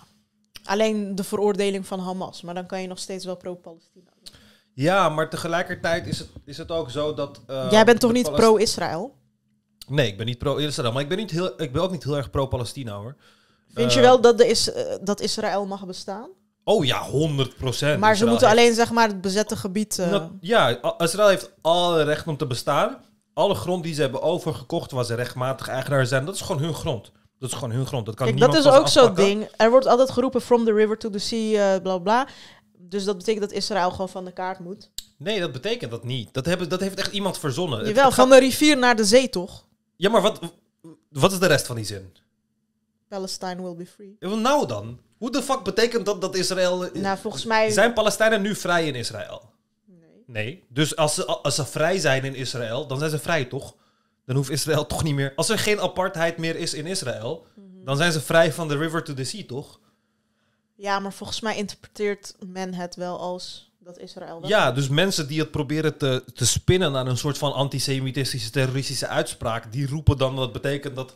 Want kijk, altijd wanneer je het hebt over dat Israël eh, Palestijnen even eh, eh, met hetzelfde rechten moet behandelen, of dat ze gestolen land terug moeten geven, wordt het gespind. En daarom zei ik ook van. Ze moeten antisemitisme niet de hele tijd als troefkaart gebruiken. Dan wordt het gespind naar. Oh, dus de Joden moeten vernietigd worden. Nee, nee. Het is ook echt alsof, alsof je zo'n getraumatiseerd kind hebt. die elke keer wanneer je het een beetje kritiek zegt van. Oh, dus jij wilt mij doodmaken. Nee, nee, je krijgt gewoon kritiek. Je bent gewoon fout bezig, dus je krijgt kritiek. Want deze mensen leven niet vrij. En die mensen willen vrij leven. Maar dat betekent niet dat je dood moet. Dat is niet wat het betekent. Nee, maar volgens mij wordt Israël toch door veel Arabische landen niet erkend of zo. Of het bestaan wordt niet erkend. En volgens mij zijn best wel veel pro-Palestina mensen van mening dat Israël gewoon helemaal niet mag bestaan. Dat het überhaupt gewoon bezet land, dat heel het land terug van de Palestijnen moet Nee, zijn. heel toch? het land is. Kijk, er zijn delen van het land dat, dat gewoon gekocht is. Daar hebben, ze Ja. gewoon de, daar hebben ze gewoon recht op. Maar het bezette land, dat. Maar is er wel een soort orgaan die dit zegt? Behalve dan die eh Palestijnse... Wie Maar, maar denk jij dat Palestijnen denken dat Joden weggevaagd moeten worden uit Israël of zo? Ik denk wel dat de meeste Palestijnen dat willen, ja. Echt? Denk je dat echt? Niet Joden, maar gewoon dat Israël weggaat en dat ze weer Palestina hebben, gewoon als heel het land. Want zij vinden toch dat, dat hun land bezet wordt. Ja, omdat een deel van hun land ook bezet wordt. Ja, een deel, maar ja, ik weet niet of het dan alleen om dat deel gaat.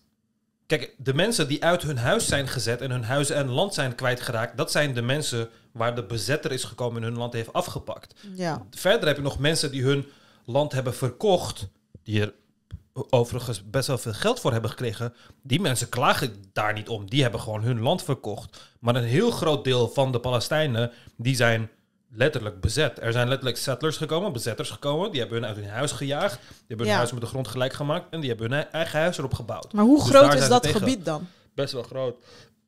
Want Israël zelf is zo groot als Noord-Holland en Zuid-Holland, wat Mhm. niet zo groot is. Dus welk gebied van Israël is dan onrechtmatig bezet? Vraag ik me af.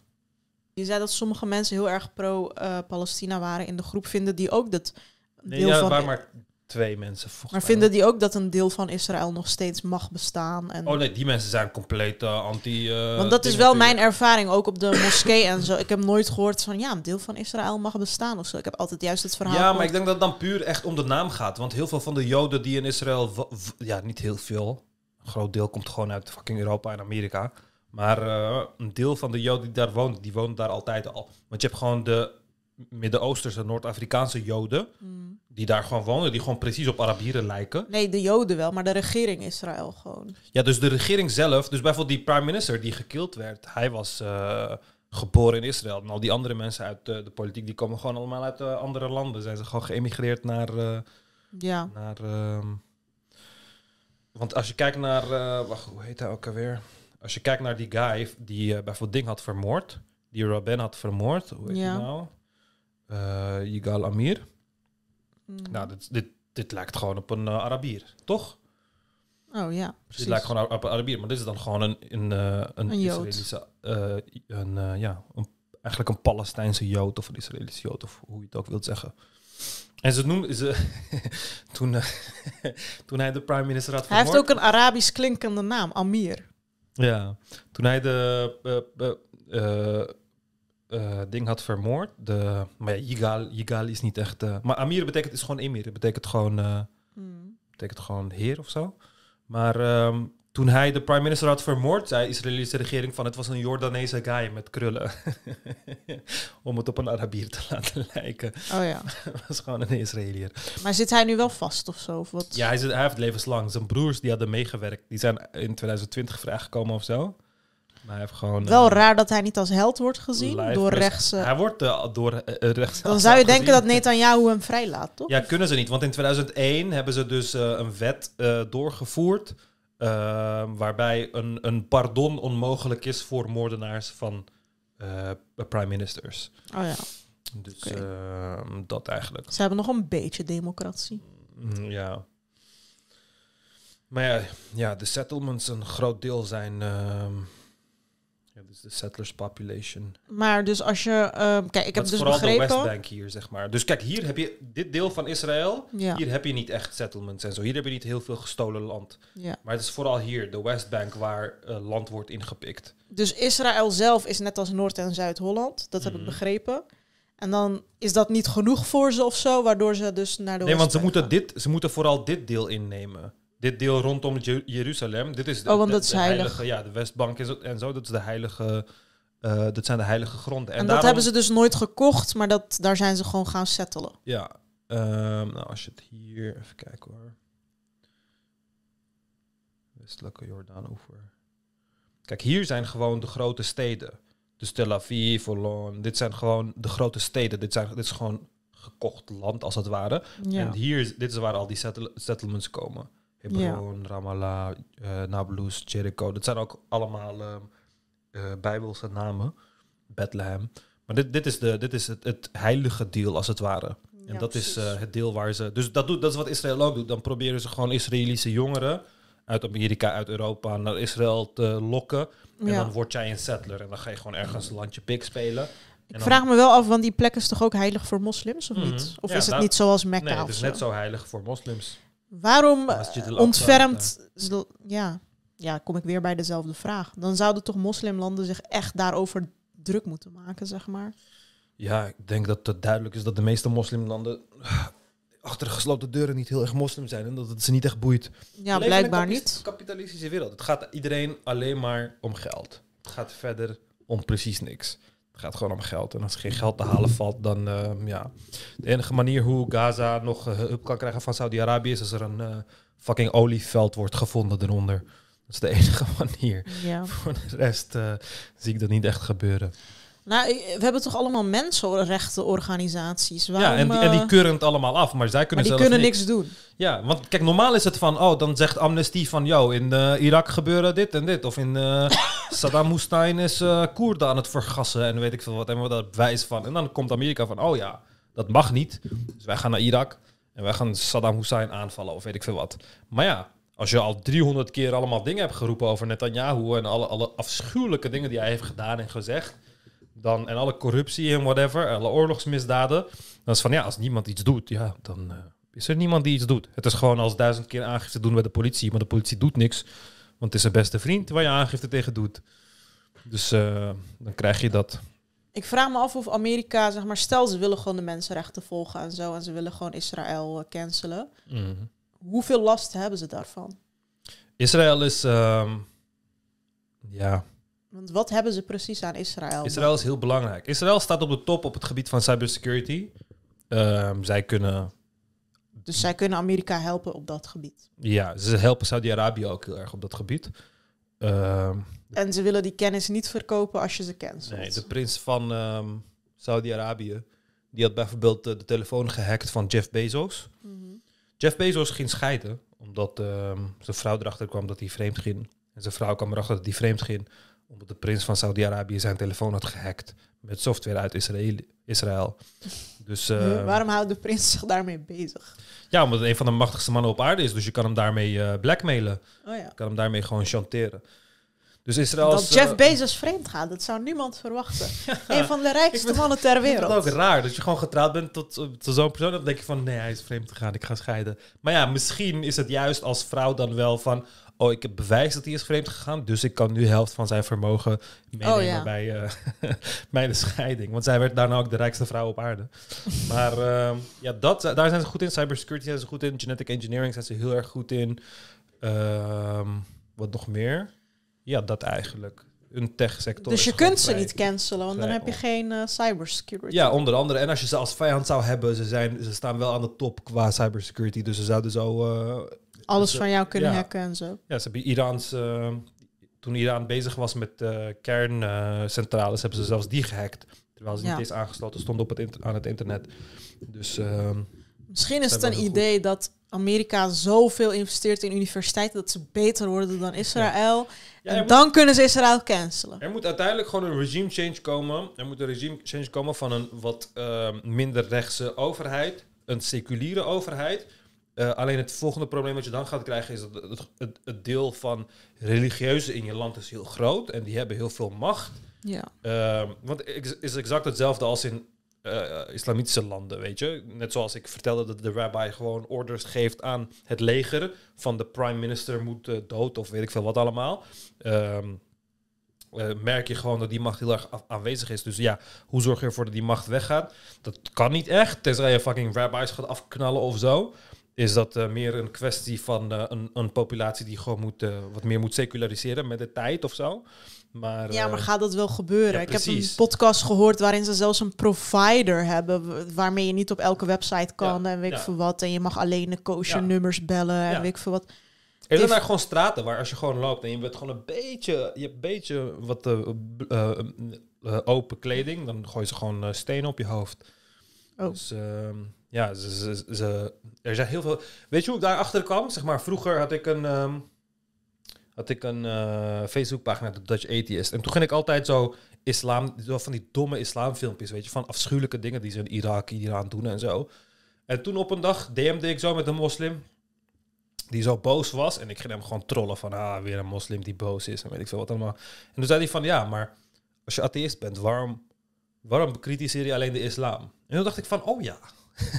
toen dacht van, ja, je hebt eigenlijk gelijk. Waarom bekritiseer ik eigenlijk alleen de islam? En toen ging ik ook christelijke filmpjes zoeken. en Die dat vraag krijg ik ook altijd. Ja, Maar dan ja, denk ik, ja, maar, ja, maar omdat ik het, ik weet niks van het Ja, jodendom. maar precies. Maar kijk, op persoonlijk vlak, als ik gewoon persoonlijk eh, daarop antwoord zou geven, zou ik zeggen van ja, kijk, dat is de geschiedenis die ik heb ermee en dat is wat ik ken. Dus dat is wat ik bekritiseer. Ik bekritiseer wat ik Ja, ken. en je hebt genoeg joden die uit het jodendom stal. Ik Ja. heb daar een fucking podcast over gemaakt. Ja, en je hebt daar boeken, Maar- unorthodox, bla bla bla. Maar als je zeg maar een, een atheïstische Facebookpagina maakt, dat is wat algemener. Dus dan wil je het wel zo breed mogelijk pakken, weet je. Ja. Dus toen ging ik echt op zoek naar christelijke dommigheden op het internet en zo. En toen de joden, joden dommigheden. En er zijn gewoon filmpjes van joden die dan in een vliegtuig zitten. En dan hebben ze gewoon een zak over hun hoofd gedaan. Omdat er op het telefoon, eh, het, het, het tv-scherm voor hun een film is waar ze zoenen of zo. Dus dan Ja. doen ze, gaan ze allemaal een zak over hun hoofd dragen. Of op, in Israël dat de, de joden gewoon... eh, dat is een reclame van een shampoo-merk of zo. En dan mag dat blijkbaar niet, want het is een mooie vrouw of zo. Nee, je hebt niet. echt veel Joodse madness. Ik kwam daar ook in die podcast achter. En ik heb Ja. allemaal podcasts eh, erover geluisterd en boeken over gelezen. Dat ze eh, met een laken ertussen, met een gat erin hun vrouw neuken of zo. Ja, En ja. eh, ja, gewoon geen elektriciteit gebruiken op zaterdag. En, en die communities heb je in New York zijn ze bijvoorbeeld heel groot. En er zijn heel veel, kijk, net zoals je in, in, in de islam heel veel rare sectes hebt met rare gebruiken en zo heb je dat in het jodendom ook. Bijvoorbeeld in een van de sectes, ehm, wanneer ze het kindje besnijden, want dat doet de ra- rabbi dan gewoon, dan zuigen ze de bloed uit de penis. Dan zuigt de, de rabbi aan de penis van je kindje, wiens voorhuid hij net heeft losgesneden, dan zuigt hij het bloed eruit. Zodat het schoner is. En dat heeft in New York eh, gezorgd tot een eh, herpesepidemie omdat de baby's herpes kregen van de mond van de rabbi die aan de lulletje van het kind zat te Dat een rabbi herpes heeft. Ja, ja, zeg maar. Dus dat soort dingen gebeuren dan ook. En dat vind ik dan jammer, want omdat we dan... Kijk, en dan gaat het op de een of andere manier... Dan gaan er weer mensen zijn, dan is er een jood die dat kijkt en denkt van... Oh, dat klinkt een beetje als antisemitisme en zo. Want dan ben je gewoon feiten aan het, aan het dingen, weet je. Net zoals ik dat maar dan kun je alles islam. als antisemitisme Ja, precies. En dat vind ik dan heel erg jammer, want het wordt heel snel in de hoek gezet van kritiek op, op, op, op jodenhaat of zo. Maar dat is het niet. Ik probeer juist duidelijk te maken dat hoe fucking gestoord islam is en hoe gestoord het christendom is, net zo gestoord is het jodendom. Dus het, en wij hebben heel vaak in ons idee, in ons hoofd, het idee dat Israël dan bestaat uit allemaal seculiere, moderne mensen en Palestina dan uit allemaal barbaren en zo. Maar in de realiteit is dat niet zo. Dat is ook een beetje omdat die zo. religieuze gemeenschappen niet zo zichtbaar zijn. Dus Precies. iedereen die als toerist Precies. naar Tel Aviv is gaan, ja, die zit alleen maar uitgaan, Ja. clubs, En weet ik denk dan, ja. Israël is gewoon zo en Israëliërs zijn zo. Maar ik heb heel veel Israëlische vrienden en die vertellen me allemaal van de meest fucking beruchte buurten, waar je zelfs de normale Israëliërs niet langs wilt komen, omdat je er letterlijk een baksteen langs je hoofd vliegt, omdat Ja. je enkel zichtbaar is, zeg maar. Maar ik irriteer me sowieso aan mensen die zeggen... Oh, maar ik ben in Is- Bodrum geweest en ik zag geen enkele hoofddoek. En dan denk ik van, wat wil je dat ik zeg? Ja, Dit ik- dit soort daarop. domme dingen heb ik altijd bij lezingen. Ja, het lijkt daarop. Zo van, eer wraak in Turkije, maar in Antalya heb ik nooit zoiets gezien hoor. Ja. Dus het is gewoon echt... eh, dat- ze gaan dan naar een gigantisch groot land. En dan gaan ze naar één gebied of naar een paar gebieden. Antalya, Ja. Bodrum, bla bla. le- letterlijk de meest toeristische kusten en zo. En ja, Turkije. Turkije is toch hartstikke modern, dit en dat. Heel anders dan de Marokko en weet ik veel wat. En dan denk ik echt van, ja, is goed. Is goed, eh, Anita. Is goed.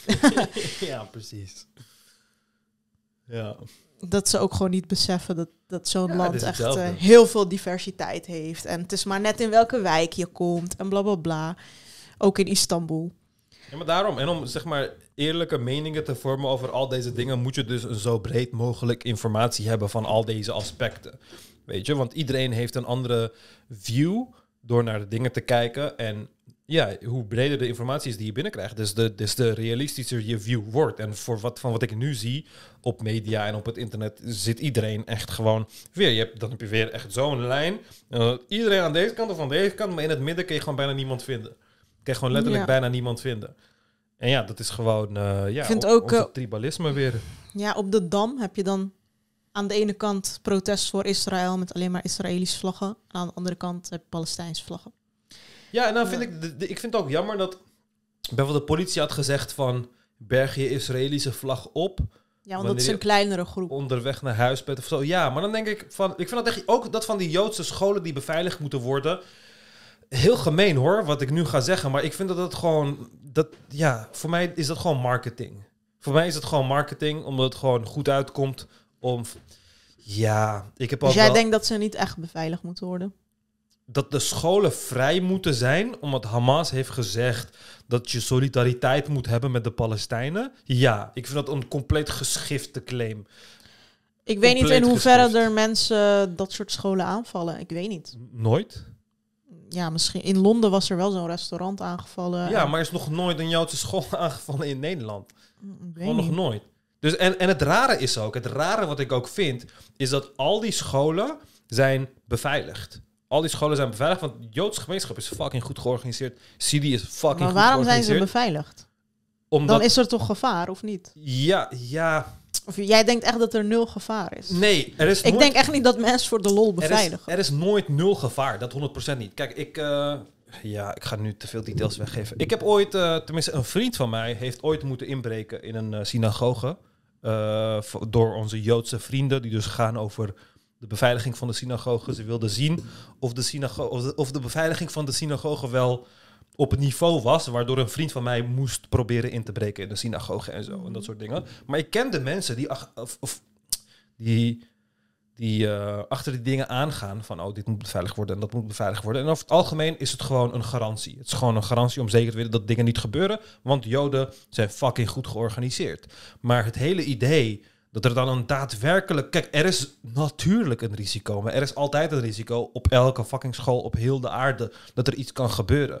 Maar het hele idee dat omdat Hamas dat heeft gezegd er een reëel risico bestaat dat zoiets gaat gebeuren, vind ik echt zwaar overdreven. En ik geloof ook best wel dat het extra wordt overdreven om een beetje in te spelen aan die kant, zeg maar. En tegelijkertijd worden al die scholen ook beveiligd. En het feit dat jij dan een, een school die beveiligd wordt, waar dan een politiepost aan, voor de deur staat, gaat sluiten eh, voor een paar dagen, dat klinkt voor mij nog ongeloofwaardiger. Want je school is al beveiligd, dus nu wil je claimen dat de, dat de risico zelf zo hoog is, dat zelfs je beveiligde school een gevaar loopt. Of zeg misschien maar. willen die ouders dat of zo, omdat ze denken Nee, dat... er is eh, letterlijk... Ja, maar kijk, wat, zijn er aanvallen op Joden geweest in Nederland? Nee, er is niks op Joden geweest Volgens in mij Nederland. wel. Ik zag in Parool dat Joodse restaurants eh, steeds aangevallen werden. Nu? Echt?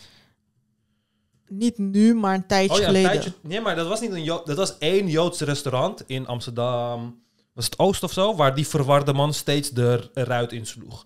Die Marokkaanse man die steeds ah, Palestina en weet ik veel wat voerde. Dat Ja. was één Joodse restaurant in Amsterdam.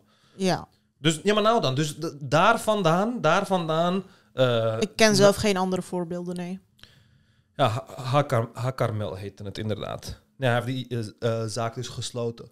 Maar ehm, dat was dus de guy die... ehm, Ja, hij heeft zijn zaak moeten sluiten daardoor. ja, maar het was dus de guy die... eh, later is die man opgepakt en ehm, bleek hij dus... eh, ja, Maar denk je niet dat er meer zulke mensen zijn? bega- Nee, maar waar?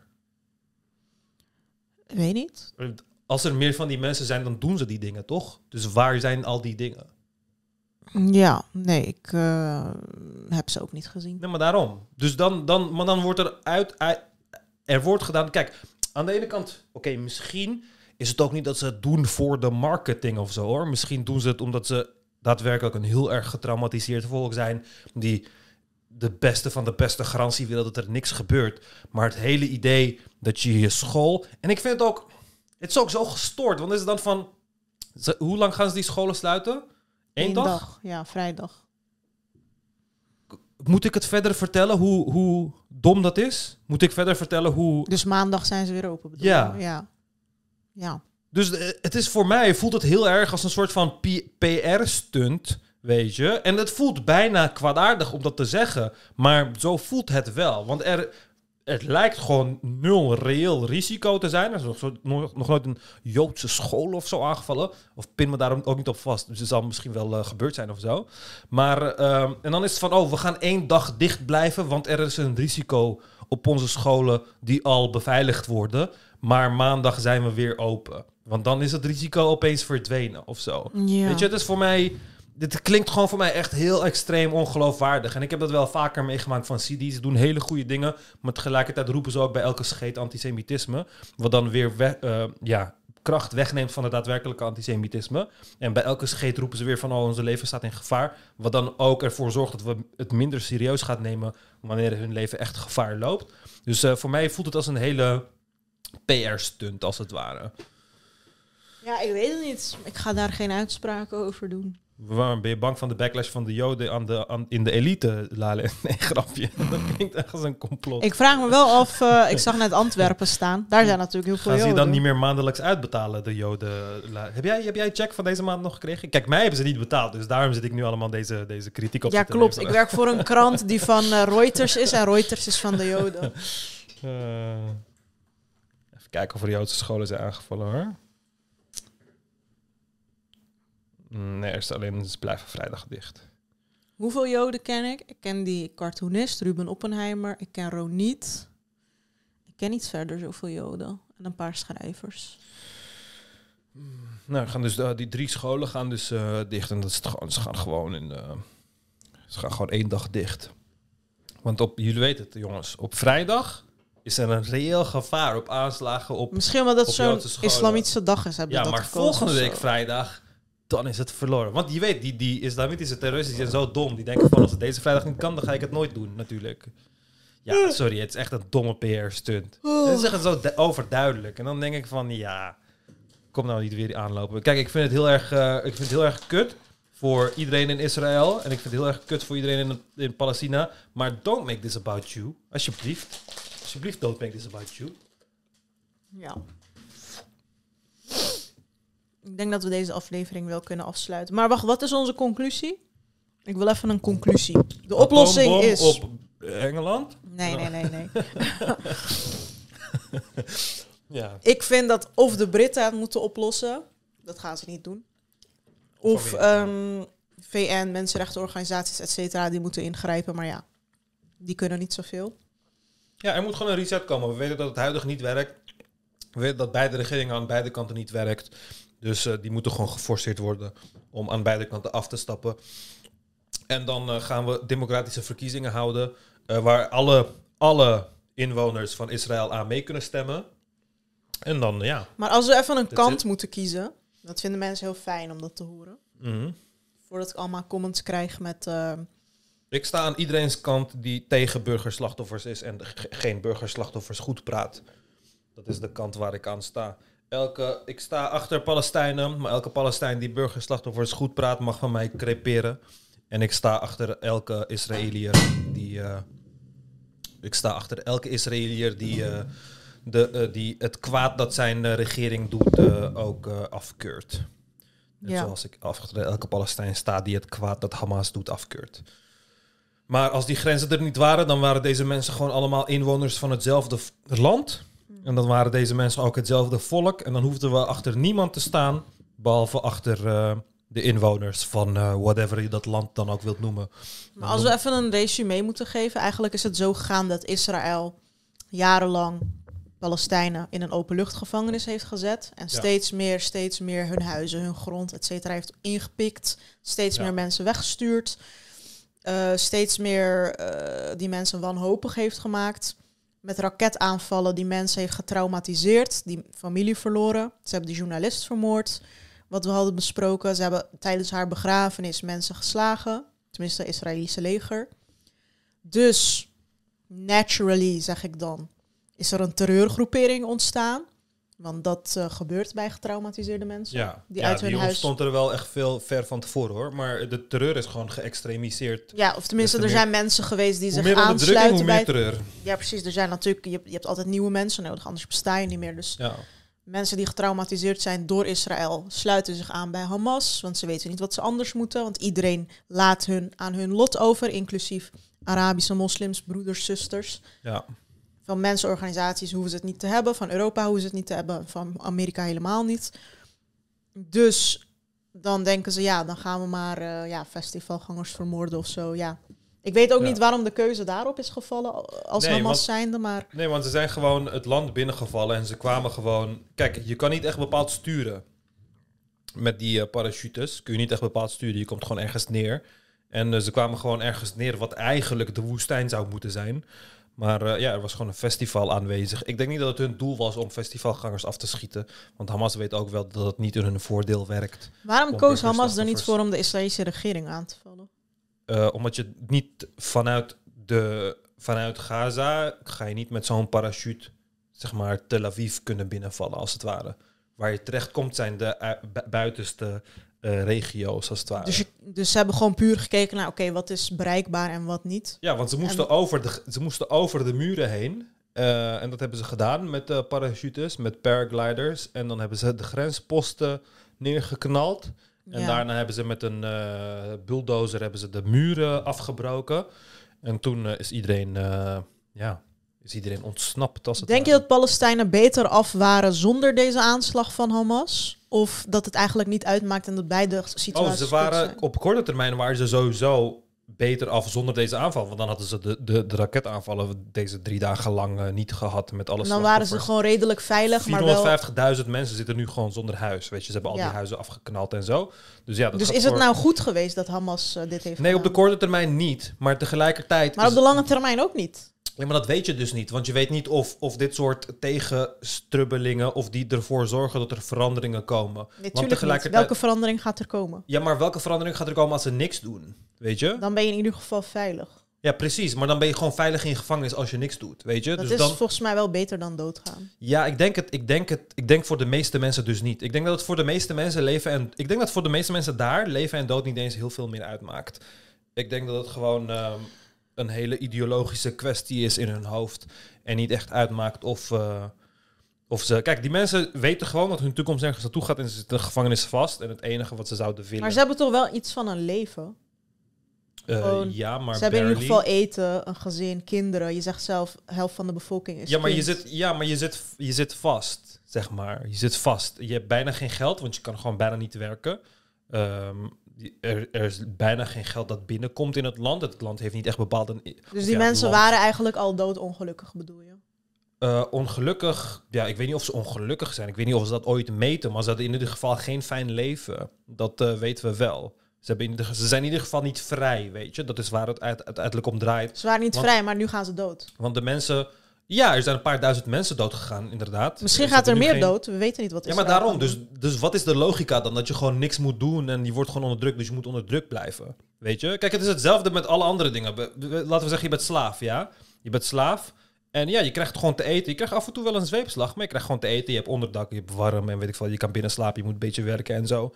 En dan, ja, ga je, een revolt. Dan ga je met eh 400 slaven ga je dan op, in opstand komen. En dan vermoord je, je je eigenaar en zijn familie en weet ik veel wat. En dan word je gepakt, want je eigenaar eh, of de witte man die is sterker dan jou, dan word je gepakt, word je gefolterd, worden je kinderen vermoord en weet ik veel wat allemaal.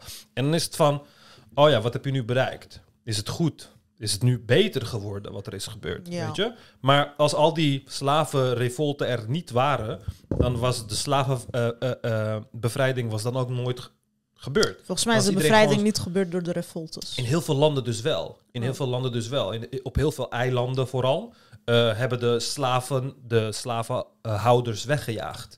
De- en een groot deel vermoord, letterlijk, Ja. zeg maar. Dus je kan niet altijd... Ja, je kan, als je onderdrukt bent, kun je niet onderdrukt blijven. En altijd wanneer je in een onderdrukte positie zit en daaruit probeert te komen, zal het altijd gepaard gaan met geweld. Altijd gepaard Mm. gaan met geweld. En wanneer jij geweld toepast op jouw aggressor, dan zal die vele malen grotere geweld op jou toepassen. Dat zal altijd gebeuren. Ze gaan nooit met gelijke munten. Ja, ik vraag me ook af wat Hamas zeg maar dacht. Dat, Niks. Ik bedoel, je valt Netanyahu Ze aan. weten dat ze niet kunnen winnen. Ze weten dat ze niet Maar kunnen winnen. Omdat je een overwinning nodig hebt. Je, hebt een, je moet je, kijk, het is voor ons moeilijk om voor te stellen hoe het is om zo hulpeloos te zijn. Om zo hulpeloos en getra- getraumatiseerd te zijn. Dus dan is het heel moeilijk om je daarbij neer te leggen. Dus dan heb jij gewoon af en toe een overwinning nodig. Waarom zijn al die, al die kinderen stenen aan het gooien op een gepantserde auto? Wat, wat, wat bereiken ze ja, daarmee? dan doe je tenminste iets. Ja, ze, ze voelen, het zorgt ervoor dat jij je niet meer zo zwak en zo hulpeloos en zo whatever voelt. Dat jij ook kracht hebt, zeg maar. En in veel podcasts zeiden ze dat ze dat deden, zodat Saudi-Arabië niet meer de normalisering van. Want er was iets gaande dat Saudi-Arabië Israël zou erkennen. Mhm. En dat de handels. Wat eh, maakt het uit voor, voor eh, Gaza? Nou, ze zeggen dus bijna in elke podcast dat Hamas dat absoluut niet wilde. Ik weet ook niet waarom, want ze doen nu toch ook niks. Ja, het idee is nu dat, I- dat Iran ze heeft gesteund. En Iran en Saudi-Arabië zijn hele zijn Ja. grote vijanden. Dus het zou Maar waarom kunnen, steunt is eh, ja goeie. Waarom steunt Iran heeft best wel veel geld. Ja. Ze hebben alles wat je wil. Ze steunen het ook. Ze steunen het een klein beetje, maar ze steunen het niet genoeg om te winnen. Het idee is ook... Ja, maar het is ook moeilijk om het openlijk te steunen, zeg maar, weet je. Want Iran... Iran heeft scheid aan de wereld. Voor wat, voor wat is het moeilijk? Maar omdat alles wat jij ehm, in Gaza wilt krijgen, moet door Israël, zeg maar. Weet je? Je kan dingen niet in Gaza krijgen zonder dat Israël dat ook wil. Dat is vrij moeilijk. Dat, eh, ja, dat moet dan via de grens van Egypte en zo. En ja, Egypte en Iran, dat zijn ook niet hele goede ma- maatjes. Maar omdat het gewoon een gebied is binnen Israël, ehm, ja. Dat is ook de reden waarom Gaza niet zijn eigen economie kan starten of zo. Waarom het nooit iets gaat worden, omdat ze gewoon hermetisch zijn afgesloten. Het enige waar ze iets mee kunnen is eh, Egypte. En Egypte wil daar helemaal niks mee te maken hebben, want Egypte wil zaken doen met Israël. Want die heeft geld. Gaza heeft geen, geen, geen reet. En ik zat ook te denken, zoveel mensen, zoveel mensen wonen er niet in Gaza. Het zijn maar 2,4 miljoen mensen. Ja. Waarom doet niet een land wat niet zo dicht bevolkt is, hun allemaal in hun land nemen Ja, eigenlijk? is, nou, maar Israël zou dat gewoon kunnen doen. Israël is gewoon best wel niet bevolkt. Die zou dat zo kunnen doen, maar... Israël wil Dat niet, want niet. daar zitten Nee. terroristen bij. Dus dat snap ik wel. Maar Nee, maar, ja, maar het zijn er 2 miljoen en hoeveel procent daarvan zijn terroristen, denk je? Want de helft ervan zijn kinderen, hè? Israël had gewoon kunnen zeggen van... Oh, de helft is kinderen. Letterlijk, 40% is onder de 14. 40% is onder de 14. 50% is ja, onder maar de 18. Israël wil een Joodse staat zijn. Dus Ja, maar precies. Dus als je niet eens 40% van die bevolking neemt, wat kinderen zijn, dat je zegt van, kom, hier heb je tenminste een beter leven of whatever. Zelfs dat wil je niet doen. Dus het gaat niet om, er zijn terroristen en weet ik veel wat. Israël heeft fucking terroristen onder zijn eigen bevolking. Nee, maar goed, kijk, Israël, het hele idee dat Israël, dat, dat er alleen Joden... gewoon een etnisch zuivere Ja. staat. Ja, daar zijn ze ook gewoon open over. Maar ik vraag me af, 2,2 miljoen mensen is niet veel. Hè? Nee. Turkije heeft 5 miljoen Syriërs, geloof ik. Dus Mhm. eh, waar doet iedereen nou zo moeilijk over? Waarom, waarom kunnen die mensen niet ergens 3,4 onderdak miljoen. krijgen? Huh? 3,4 miljoen. Ja, ik weet niet. Eh, bij Fatih Altaylı zeiden ze 5 miljoen. Ja, dat is de Turkse alternative facts. ik weet het echt niet meer. In ieder geval miljoenen Syriërs. Ja. Eh 2,3 miljoen is toch niet zoveel? Trouwens, Turkije dacht Maar dat mensen- alle, of, eh, alle Gazanen naar Turkije zouden komen. Ja, ik weet niet zijn, waarom. dit zijn ook Turkse alternative facts. Die denken, ja, die Gazanen, die gaan gewoon even een vliegtuig pakken vanaf het vliegveld in Gaza natuurlijk. Op zich zou echt gewoon een land als Saudi-Arabië of zo, zouden ze gewoon allemaal... Ja, Ja, maar waarom moeten ze dat doen? Die mensen, Want die mensen anders doodgaan. ja, maar het is hun land. Ja, dat land. snap ik wel, maar ze zijn zwak en ze krijgen het niet meer terug. Ja, maar dan zeg je eigenlijk dat gewoon... Ja, maar je, moet- je moet naar de realiteit kijken. Ja, maar dan zeg je eigenlijk dat gewoon Amerika kan Nederland binnenvallen. En dan ehm, ja, pikt het gewoon, dan, haalt het, dan trekt het ons uit onze huizen. En dan bulldozt Ja. het onze huizen. En dan bouwt het nieuwe huizen en weet ik veel wat. En dan vragen wij aan alle landen zo van... Yo, maar wat moeten we doen? Want deze grootmacht heeft eh, ons van onze Als jij, als jij aan je lot wordt en dan, overgelaten... en dan zegt ze van... Oh ja, dan Slowakije, heb je dat wel geprobeerd? ik hoor dat het eh, warm is deze tijd ik vind dat jaar niet zo belachelijk. Want Nee, je hebt geen hulp. Ik vind dat... eh, Wat wil je doen als piepklein nou, Nederlandje? dat iemand geholpen moet worden, eigenlijk. Ja, tuurlijk. Ik wil ook dat iemand Palestijnen helpt, maar ik zie dat het niet gebeurt en niet gaat gebeuren. Ja, maar daarom, en dan moeten we eraan werken, zodat het wel gebeurt. Maar wie is we? Er is geen wereldregering. Ja, wie is maar- we? maar Amerika. dat- ja, ik weet het, maar als dat niet kan, dan kan die mensen exporteren naar een ander land dan ook niet. Weet je? Dat is volgens mij best makkelijk. Nou, hoe? Hoe? Ja. Dan zegt bijvoorbeeld, ik zeg maar wat, Iran. Ik wil eh, alle Gazanen naar ons. Dan, dus ja, maar waarom zouden ze dat zeggen? Want als Iran dat gewoon kan zeggen, dan kan Israël dat ook gewoon zeggen, zeg maar. Nee, Israël wil een etnisch Joodse staat, dus die gaat dat niet Mhm. zeggen. Maar En Iran wil geen, wil geen Palestijnen in hun land. waarom zou iemand geen 2,3 miljoen Palestijnen met een jonge Omdat bevolking willen? mensen zijn en Iran en Shia. Oké, in Irans geval snap ik het. Maar waarom zou Saudi-Arabië of een van die andere eh, landen dat niet doen? Omdat ze allemaal hetzelfde hebben. Of Turkije. Zelfs Turkije kan dat doen. Mhm. En, Turkije wil ook een etnisch zuivere staat. Nee, want ze nemen al zoveel Arabieren. Dan kan er die 2 miljoen ook wel bij. Saudi- Saudi-Arabië wil dat ook. De- al die landen hebben iets tegen... Nee, maar zij zijn Arabieren. Waar hebben ze iets tegen Arabieren? Palestijnen en Arabieren zijn niet hetzelfde. Volgens mij zijn het redelijk dezelfde dingen. Nou, dan zijn Joden en Arabieren ook hetzelfde. Want Palestijnen en Joden zijn meer dan elkaar verwant. Palestijnen zijn moslims, hebben dezelfde cultuur als Sunni-moslims. Ja, nou, maar Ze hebben een verwante taal. Wat Ja. is precies het verschil? Ze zien er hetzelfde uit. Ja, maar Joden in Israël zien er ook hetzelfde uit als nee, die dragen toch geen, eh, die hebben toch geen islamitische cultuur. En die, eh, dat is toch onzin. Nee, Zelfs de keuken van de wat Palestijnen bedoel lijkt toch Wat op bedoel de- je met dezelfde mensen? Want genetisch zijn de Joden in, in Ik bedoel Israël... qua cultuur, cultuur. Gewoon taal, eh, religieuze gebruiken, moskee gaan, eh, speciale Oké, ja, maar feestdagen. dan lijken alle moslims op elkaar. Dan kan je Alle Sunni-moslims lijken toch op Ja, elkaar? dan kun je Indonesiërs ook... Dan kun je de Palestijnen naar Indonesië sturen. Ja, dat kan dan- toch ook? Nee, dat- maar zo werkt dat toch niet? Indonesië is wel een beetje ver, maar... Dat, dat is echt een hele simpele kijk naar... eh, ja, jullie gaan naar de moskee. Wat dus is daar zo simpel aan? Die mensen passen toch bij elkaar? Nee, hoezo zouden die mensen bij elkaar passen? Als Ze zijn toch geen vijanden van Als letterlijk Irak en Iran het niet eens met elkaar kunnen vinden. Of Afghanistan en Irak niet eens met Iran elkaar is kunnen vinden. Shiïtisch. Oké, Afghanistan en Irak bijvoorbeeld. Als die het niet eens met elkaar kunnen vinden. Waarom als Saudi-Arabië en Qatar het niet eens met elkaar kunnen vinden. Als, als Kuwait en Qatar het niet met elkaar kunnen vinden. Als UAE en Saudi-Arabië het niet met elkaar kunnen vinden. Dan hoe de fuck gaat... Je kan niet zo simpel kijken van... Oh, jullie lezen de Koran en spreken Arabisch en gaan naar de moskee. Dus jullie horen bij elkaar. Het is een voor de helft jonge bevolking. Ja? Het is gewoon, je kan ze als working population zien Ja, of in weet ik veel Israël wat. bijvoorbeeld. In het land waar in hun Ja, maar Israël is de vijand, die wil ze niet. Nee, maar het gaat er niet om dat Israël ze niet wil. Het gaat erom dat er een regering is op dit moment die ze niet wil. Dus die regering Ja. zijn zin geven is gestoord. Want dan zeg je tegen alle regeringen in, op aarde van... ja, doe gewoon mensenrechten schendingen. En zo, zolang er niemand iets tegenaan kan doen... kun je dat gewoon blijven doen. Dat is een gestoorde realiteit Ik vind het gestoord dat er nu raketten gaan vallen op Gaza. Ja, precies. Dus daar moet je dan iets tegen doen als inter- international community. Je moet niet zeggen van... Wie is oh, de ja, international community? Nou, Europa, Amerika, al deze landen. Dus als al deze landen We hebben, keuzes- net, we hebben net vastgesteld dat zij hun security beveiliging uit Israël halen en dat dat letterlijk Ja, geen prima, maar, is. nee, maar prima, maar niemand zegt dat ze dan Israël met de grond weg moeten vervagen of helemaal geen zaken meer moeten doen met Israël. Maar je kan wel internationale Als je kritiek geeft, eh, krijg je toch geen handel meer van Israël? Oké, prima, maar dan zetten wij daar toch ook gas achter. Dat is niet echt een probleem. Dan zet je fucking 14 vliegdekschepen voor eh, de, de kust en dan is het helemaal prima. Het hele idee dat je er niks aan kan veranderen is een gestoord idee. Ik Want vind dan- dat niet zo gestoord. Hoe, dus jij gelooft daadwerkelijk dat je er niks aan kan veranderen? Nou, je hebt me net... een van de enige, wenige dingen in de hele wereld waar je niks aan kan nee, veranderen. je kan het wel. Het is niet dat je door een bliksem geraakt wordt. Je kan. Ja. Maar dan heb je geen... eh, dan word je gecanceld door Israël. Dus dan heb je geen cybersecurity meer. Oké, maar dan heeft. Israël ook heel veel dingen niet. Snap je? Je betaalt die prijs aan beide kanten. Als wij dat gewoon kunnen doen. Kijk, als wij tegen eh, Rusland kunnen zeggen van ja, fuck jou. En Rusland draait gewoon de gaskraan dicht. En oh nee, einde van de wereld. Oh nee, onze, hu- onze gasprijzen in de winter zijn zo erg. Het gaat een tijdje kut voor jou zijn. Maar voor de rest maakt het helemaal geen reet uit. Dus toch? jij we denkt- Er, we zijn er onderuit gekomen, toch? We hebben eh, fucking...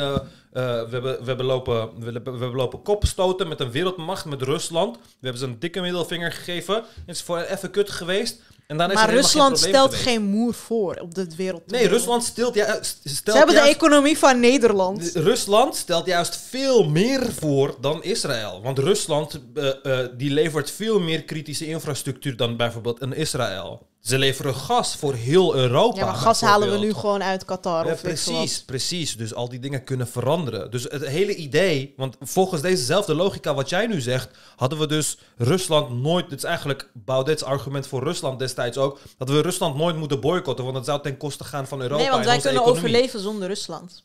Ja, en, ook- wij kunnen ook overleven zonder Israël. Dat kunnen we. Dat kunnen we. Je gaat er een prijs voor betalen, maar dat hoort erbij. Dan Onge- vind ik dat we die prijs moeten betalen. Ongeschonden ervan afkomen is onmogelijk. Dat gaat gewoon nooit gebeuren. Maar het probleem is ook dat het niet aan Israël zelf ligt, maar het ligt gewoon aan de huidige regering. En die is niet zo, die is niet zo rigide als dat Poetin dat was bijvoorbeeld. Dat is een veel makkelijkere eh, eh, eh, taak. Alleen het probleem is dat we al die tijd gewoon achterover hebben gelegen en gewoon hebben gekeken terwijl het hele eh, Israëlische volk de wereld aan het waarschuwen was dat Netanyahu alleen maar meer en meer macht naar zich toetrok. En wij keken gewoon. En we, we bleven gewoon staan en we keken ernaar gewoon alsof er gewoon helemaal niks aan de hand was. En ze hebben ons gewaarschuwd ervoor, letterlijk. Dat het een, dat het een extreemrechtse regering is die eh autoritair probeert te worden. Ja. En ja, nu moeten we af Maar- van die regering en op, eh, ja, een regering in de plaats krijgen die vredelievend is. Aan beide kanten. Kijk, ik, ik volg Biden. Hij is links. Mhm. Ik denk dat hij in zijn hart pro-Palestina is. Ehm, maar hij kan het niet, want je hebt net uitgelegd, die evangelisten, Mhm. bla bla bla. Dus hoe wil je als Amerikaanse president dan dat er doorheen krijgen? Kan dat gewoon? Ik weet het niet. Ik ben geen Amerikaanse president. Ik ben ook geen politicus. Maar ik weet wel... Maar stel dat een president dat echt wil. Mhm. Word je dan niet gewoon afgezet? Of Nee, schiet je- je dan niet jezelf in de voeten? Nee, ik bedoel... eh, afgezet worden is sowieso... Je zegt net, christenen hebben heel veel macht, want zij geloven in dat heilige land, bla Ja, die bla. hebben heel veel macht natuurlijk, maar afgezet worden is toch wel heel wat anders. Ik bedoel, wat de fuck heeft Trump allemaal gedaan? Is hij ooit afgezet of zo? Nee, toch? Ja, Trump heeft geen kritiek op Israël. Nee, maar dat is ook niet de, de- het ergste wat je kan doen op aarde. Er zijn veel ergere dingen die je kan doen op aarde waar helemaal geen problemen mee. eh, Trump heeft niks gedaan waar de soort van de Senaat en zo niet mee eens is, toch? Of ik, ja, behalve Nou. linkse mensen, maar... Nou, nou ja, we hebben best wel veel dingen gedaan. Maar, maar kijk, los daarvan hoort eh, de conclusie niet te zijn dat, oh, de Israël is gewoon zo, dus dan moeten de Palestijnen maar weg. Nee, dat zeg ik niet. Maar ik vraag me af welke Amerikaanse president dat kan zeggen zonder gelijk afgezet te worden of zonder dat de Senaat... ze- Je zegt Nou, net allereerst- van 80% toch van de Senaat? Of wat was het nou? Ja, eh, nee, dat was de van de bevolking. Maar eh, allereerst hoort eh, Amerika te staan achter een seculier Israël. Eh, Amerika hoort onze westerse waardes van eh, separation between church and state, hoort het daarachter te staan, ook in Israël, ook voor onze bondgenoten. Ja. En bij de aankomende verkiezingen hoort Amerika, een seculiere leider, die oplossingsgericht werkt, die vredelievend is, die hoort het te steunen daarin. Kijk, eh, ik maak allemaal grapjes over Israël binnenvallen en weet ik veel wat allemaal. Ik denk niet dat het echt heel erg positief is. Uiteindelijk moet het natuurlijk gewoon politiek opgelost worden. En het kan opgelost worden, maar het kan alleen opgelost worden als de wereld daar een oogje in het zaal houdt en aan wilt meewerken. Want zoals ik al zei, we, we waren er gewoon. Het probleem dat nu onoplosbaar lijkt, was in de jaren negentig gewoon bijna opgelost. ja. Het was gewoon bijna opgelost, totdat er een politieke moord werd verricht, waar op de een of andere manier niemand iets van af weet. We kennen allemaal eh, Theo van Gogh Pim Fortuyn en weet ik veel wat, maar een van de meest succesvolle politieke moorden die ervoor heeft gezorgd dat we nog steeds in deze shitshow zitten, kent niemand op de een of andere manier. En dat de persoon die ervoor heeft gezorgd nu letterlijk aan de macht is van Israël, kent ook niemand op de een of andere manier. Dus dat zijn wel delen van de geschiedenis die we in ons achterhoofd moeten houden, zodat we weten dat het niet onmogelijk is om het op te lossen. Dat we eerder vlakbij de oplossing waren, maar dat er gewoon heel veel partij- partijen zijn die niet willen dat het opgelost wordt. Die gewoon het als heilig schennis zien dat eh, dat land teruggeven aan de Joden, eh, aan de Palestijnen als heilig schennis zien. En daar moet gewoon een stokje voor gestoken worden, want als wij eh, naar, naar de naar de, hoe heet het, naar de laarzen dansen, hoe, hoe hoe is die spreekwoord? Naar de pijpen dansen. Naar de pijpen dansen van religieuze gestoorden, of ze nou Joods of Christen zijn, dan is het gedaan met ons. En eh, ja, daar eh, moeten wij ons, vooral als Europa vind ik, eh, want wij hebben een veel sterkere seculiere cultuur dan Amerika. Amerika, als zij daarin het voortouw niet nemen, dan zou de Europese Unie dat moeten doen. Ehm, ja, daar moeten we ons in het, gewoon heel erg sterk voor maken. En daarom wil ik ook gewoon dat heel veel mensen begrijpen dat er aan beide kanten een religieus motief is. En dat het niet eh, seculiere tegen religieuze moslims is of zo. Het zijn gewoon religieuze aan beide kanten. En eh, ja, dat. Ja. Ja, het moet gewoon heel veel onder de aandacht komen en zo, dit soort feiten. Want eh, hoe je dingen verandert, ook slavernij en weet ik veel wat... en alles wat we hebben veranderd, is omdat een groep mensen dat onder de aandacht bracht... en boeken Ja. over schreef en dit en dat. En Ja. En daarom Dus dat- is het dus het compleet gewoon on, onproductief om dan kanten te kiezen en dan de andere kant van alles en nog wat te verwijten of naar bepaalde dingen te wijzen van oh kijk wat hun doen en kijk wat hun zeggen. En dan denk ik van ja, Het is denk ik wel moeilijk, want ehm, kijk, heel veel dingen veranderen eh, de goede kant op als heel veel mensen zich daar druk om maken. En dat dan een grote groep inziet van oké, misschien is het niet zo handig wat we nu doen, dus Mhm. laten we dit doen. Maar als de media zo pro-Israël gericht is, ja, dan is het wel moeilijk, omdat ja, ik denk dat merendeel van Nederland pro-Israël is, toch? En ook Ja, merendeel denk ik van ook. Europa en merendeel van Amerika en zo. ja. Dus wil je al die mensen overtuigen van het is van het Palestijnse verhaal, dan moet daar heel veel aandacht, media-aandacht op komen, want media-aandacht is power. ja precies. En eh, niet alleen TikToks en zo, maar gewoon uitgebreide krantenartikelen en dit en dat. Ja, en er zijn gewoon niet echt, eh, er zijn niet En op de een of andere manier heeft de media dat niet genoeg. Nee. Er zijn geen spokespersons die de, de Palestijnse kant of de kwestie uitleggen. Er zijn geen mediaorganisaties vanuit de Palestijnse kant die al die dingen doen. Je hebt gewoon letterlijk een paar, een handjevol vrijwilligers die gewoon met vrees voor eigen leven berichtgeving eh, in dat gebied doen. Ja, maar En, ze hoeven eh, niet Palestijns te zijn. Eh, er zijn toch gewoon hele slimme, weet ik veel, Arabieren. En dan eh, kan er eentje denken van... oké, ik ga mijn leven wijden aan lobbyen voor dit verhaal. Je hebt, ze, je hebt dat soort mensen. Je hebt, dus, je, hebt, je hebt ook gewoon Palestijnen zelf. Je had bijvoorbeeld eh, Mohammed El-Kurd. Palestinian writer en poet. Hij is gewoon zijn huis en allemaal dat soort dingen kwijtgeraakt. En hij is eh, ehm, ja, vrij groot daarin. Eh, maar zo iemand zou eigenlijk gewoon veel aandacht moeten krijgen. Ja, nee, maar ik bedoel, eh, ja, de Ja. Joodse organisaties krijgen gewoon veel meer aandacht. Want we, we kijk, ja, het Westen is gewoon veel meer gelieerd met de Joodse ideologie, identiteit dan met de islamitische. Dat is gewoon zo. Terwijl eh, eigenlijk zo zou moeten zijn dat het Westen. Eigenlijk zou het zelfs tegenwoordig zo moeten zijn dat het Westen meer gelieerd is met de islamitische eh, kant dan de Joodse kant. Omdat. eh, Omdat Ja, er veel meer moslims hier ja, zijn. omdat er veel meer moslims zijn, ja. Dus in de toekomst zal het inderdaad zo eh, moeten, moeten zijn. En dan zal het Noord-Afrika zijn die eh voornamelijk... Als de Palestijnen een beetje... Als, als de Israëliërs een beetje flink doorpakken... dan zal het Noord-Afrika de, de Joodse hub moeten zijn. In plaats van New York of zo. Dus ehm, ja... Ik weet het niet. We gaan het allemaal meemaken. Bedankt voor het luisteren. Vergeet geen donateur te worden. Eh, dat is slechts 5 eurotjes in de maand. Dan heb je toegang tot extra afleveringen. eh, toegang tot speciale content, tot de kookshow. Ehm, en bijvoorbeeld de vlogs van Umer als hij op vakantie is. Oh my god. Wat? Ja, mijn vriendin heeft gewoon een random, random kat gevonden op straat. En die zit nu ook in mijn huis. Dus heb ik twee katten. Echt? Ja. Hebben jullie hem gelijk geoond dan? Ja, ik weet niet. Al die tijd stuurt ze me berichten blijkbaar van... Ik heb, eh, je moet even iets doen. Ik heb hier een kat gevonden. En dan een uur later zie ik allemaal video's dat die kat gewoon in ons huis zit. Dus ehm, ja, dat gaat leuk worden straks. Oké, je hebt nu twee kids Maar gefeliciteerd. gaan we nog een aflevering opnemen? Of, eh, want het Wat is, jij wil? hoe laat is het? Het is best wel laat. Oeh. Hmm. Ja, is een beetje lastig. Of we doen een hele korte of zo. Ja, we moeten gewoon een aflevering van een uur. Dat kan nog wel. Of half uur is ook Ja. goed. Aflevering van een uur kan nog wel. Nou, tot de volgende keer. Nou, tot de volgende keer.